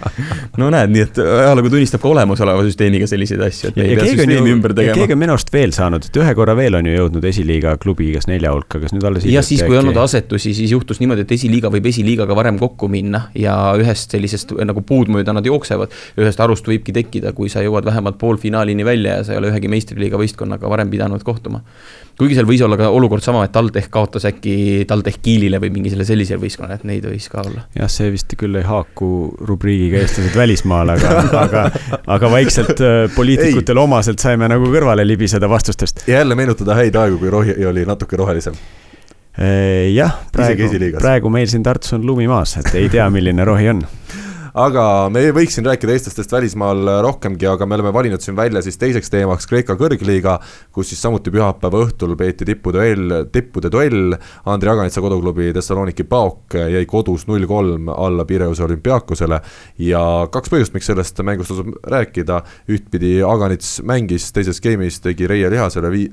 liiga ja, ja võeti välja, see vigastuse tühjus peaks siis sel nädalal saabuma. ja teine asi, miks sellest mängust rääkida, on siis see, et Paoki teades debüteeris endine Saaremaa mängija Evandro Dias Sousa, nii et Aganits ja Sousa nüüd on meeskonnakaaslased ja ütleme, algus Sousat igati korralik, oma meeskonna parim, kuusteist punkti pluss kaksteist, kahekümne seitsmest tõstest viisteist lõi maha, viiskümmend kuus siis protsendiks. kuidas me nüüd seda mängu ja tuttavate meeste esitusi hindame? kuna ma täna äh, Andriga natuke rääkisin, tervitused talle, äh, siis äh, tõsi ta on, et ütles, et tõmbas selle esireie kuidagi kinni ja oli päris valus, täna on natuke parem loodame kõik, et see on väga lühike paus, mis teda ootab ja midagi tõsist seal ei ole. Et võiski olla väike, ma ei tea, kas lihase mingi miinirebend või midagi ja, või lihtsalt ülekoormus ja et ta saab tagasi eh, õige pea. ja Sousa kohta ütles ta, et jah, et rünnakul päris korralikud kõrgused, muljetavaldav, eh, päris võimas paip eh, täpset sõnastust ei mäleta, aga vastuvõtu kohta ütles, et see on ju teada, ehk seal on väikesed probleemid ja Sousa näitas ka ju siia tulles hooaja alguses, et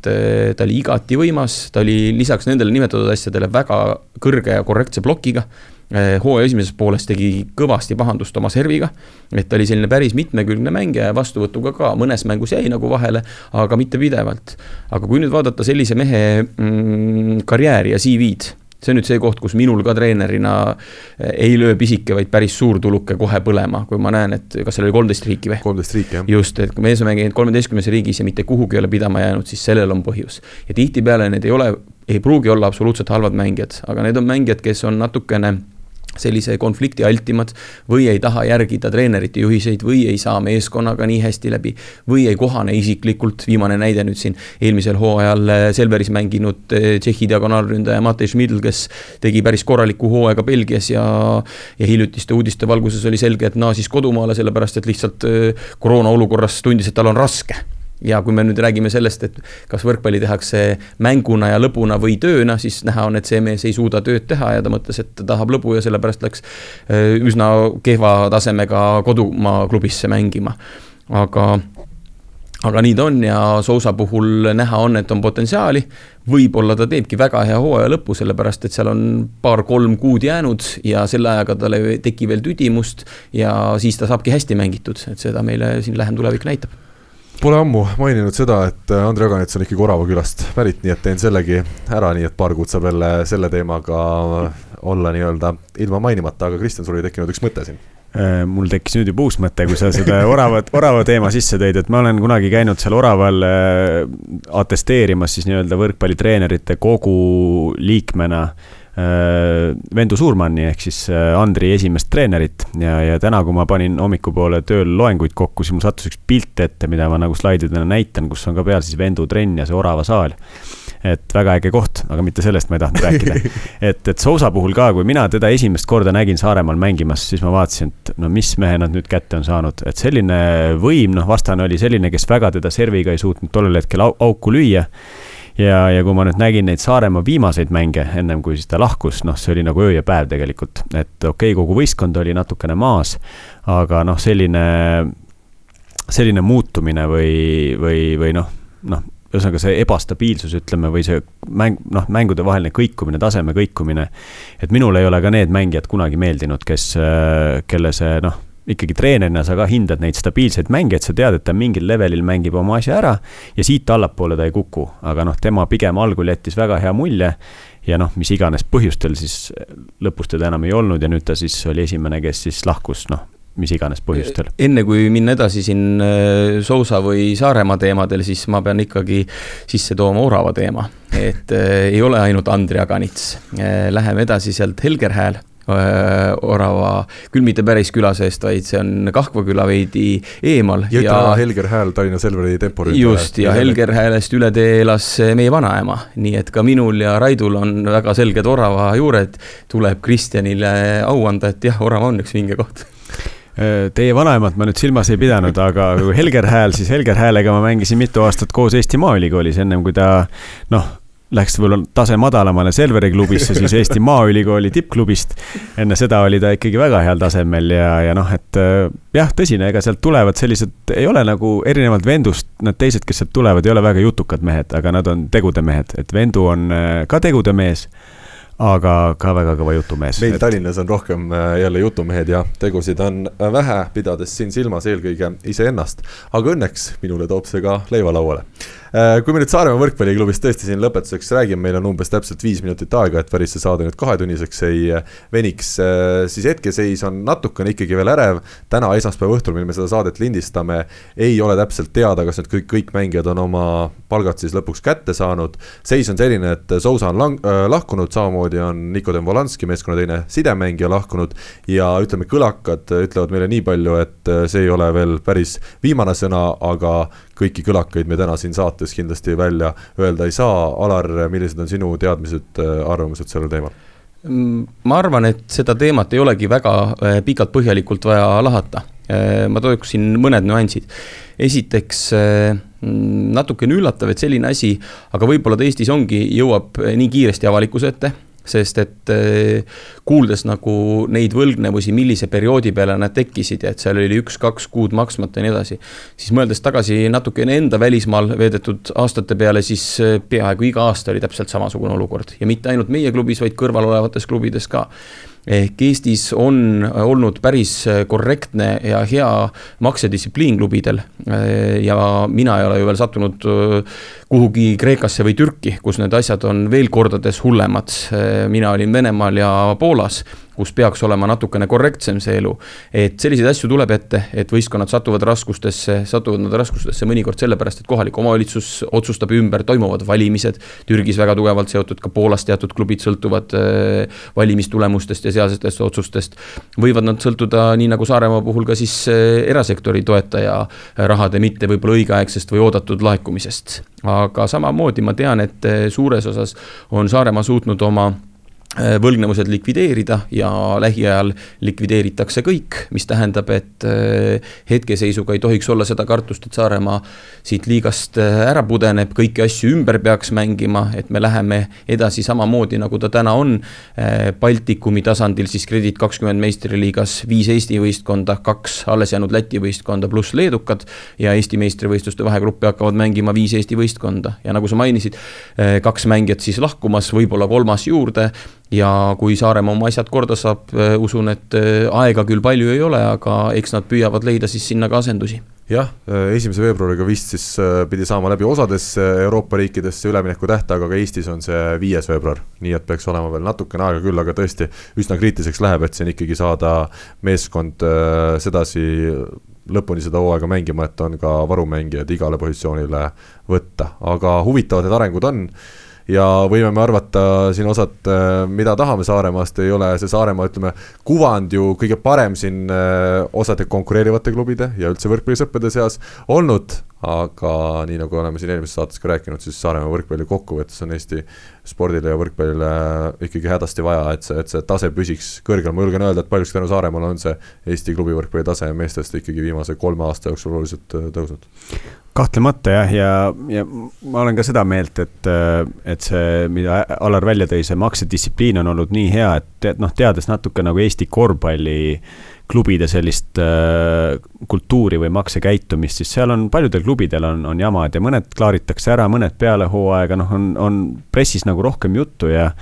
ja võib-olla see valulävi on nagu oluliselt suurem, et praegu nagu Saaremaa näite puhul tundub võrkpallis, et kohe-kohe on mingisugune katastroof juhtumas, aga aga tegelikult ei ole, et, et noh, kui ka ei peeta kõikidest lepingutest kinni või tasutakse hiljem või noh, mis iganes, et inimesed lõpuks ju suudavad omavahel läbi rääkida ja elu läheb edasi. et ma küll tahaks loota, et, et Saaremaa klubi jätkab, et ükskõik siis millisena, noh, loodame, et väga tugevana, nagu ta on olnud, mis nende kuvand on olnud. aga kui ka natukene nõrgemana, et nad igal juhul nagu jätkavad ja, ja, ja ilmestavad väga ilusti seda Eesti võrkpalli ja täiendavad seda liigat, et loodame küll, et läheb kõige paremini ja ega me tegelikult võib-olla meedias, meediasse olekski võib-olla see jõudnud, see nende makseprobleemid, kui ei oleks ma Sousaga intervjuud teinud ja ausalt öeldes minul puudus taustateadmine, et saarlastel seal probleemid on. pigem, kuna olin Sousaga teinud sügisel intervjuu, kus ta ütles, et Saaremaal tundub kõik nii tore ja vahva, et tahaks siin karjääri lõpuni kasvõi mängida, siis ma mõtlesin lihtsalt uurida, et et noh, et milles siis asi oli, et poole hooaja pealt ikkagi kõik ära tuli minna ja noh, siis selgusid need tegelikud põhjused, et et, et ega seda nagu hoitakse ka Eestis vist päris hästi, et ei ei minda kohe meediasse rääkima neid asju, kui need probleemid peaks, peaksid ka mingil hetkel tulema?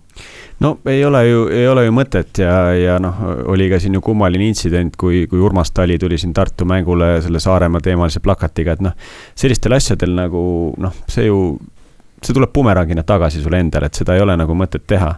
ja kui Saaremaast veel rääkida, siis ega alustas ju ka Saaremaa naiskond väga usinalt ja mängis täpselt ühe hooaja, et meeskond mängib nüüd kolmandat, neljandat, neljandat hooaega, et noh igal juhul, et selline jätkusuutlikkus ja, ja, ja, ja traditsioonid ja, ja noh, nagu, nagu eelnevalt öeldud, mina olen pigem optimistlik, et ja üritan küll näha, et, et asjad lahenevad ära nii või teisiti aga mina usun, et traditsiooniks võiks saada seegi, et me ikkagi siin Tartu stuudios mingi teatud aja tagant kohtume, ma loodan, et Alaril ja Kristjanil ei ole selle plaani vastu midagi. no väga ei ole jah, aga vaata, et sa seda liiga tihti ei hakka planeerima.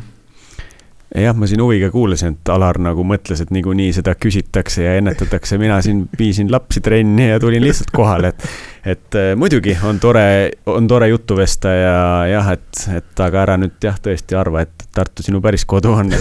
et tule külla vahest ja, aga. aga mine tagasi. tore, et tulid, aga veel toredam, et tagasi Tallinnasse lähed, jah? ei no mitte nüüd nii, mitte nii negatiivses toonis, tegelikult muidugi on tore ja, ja, ja Tallinna seltskonda on ka tore kuulata, et ega ma ei teagi, kas Rivo on nüüd Eestimaal või on ta. veel vist ei ole või juba on, ma ei ole Facebooki vaadata, võib-olla on siin viimase tunni jooksul juba seitse postitust pannud. Äh, nojah, ei imestaks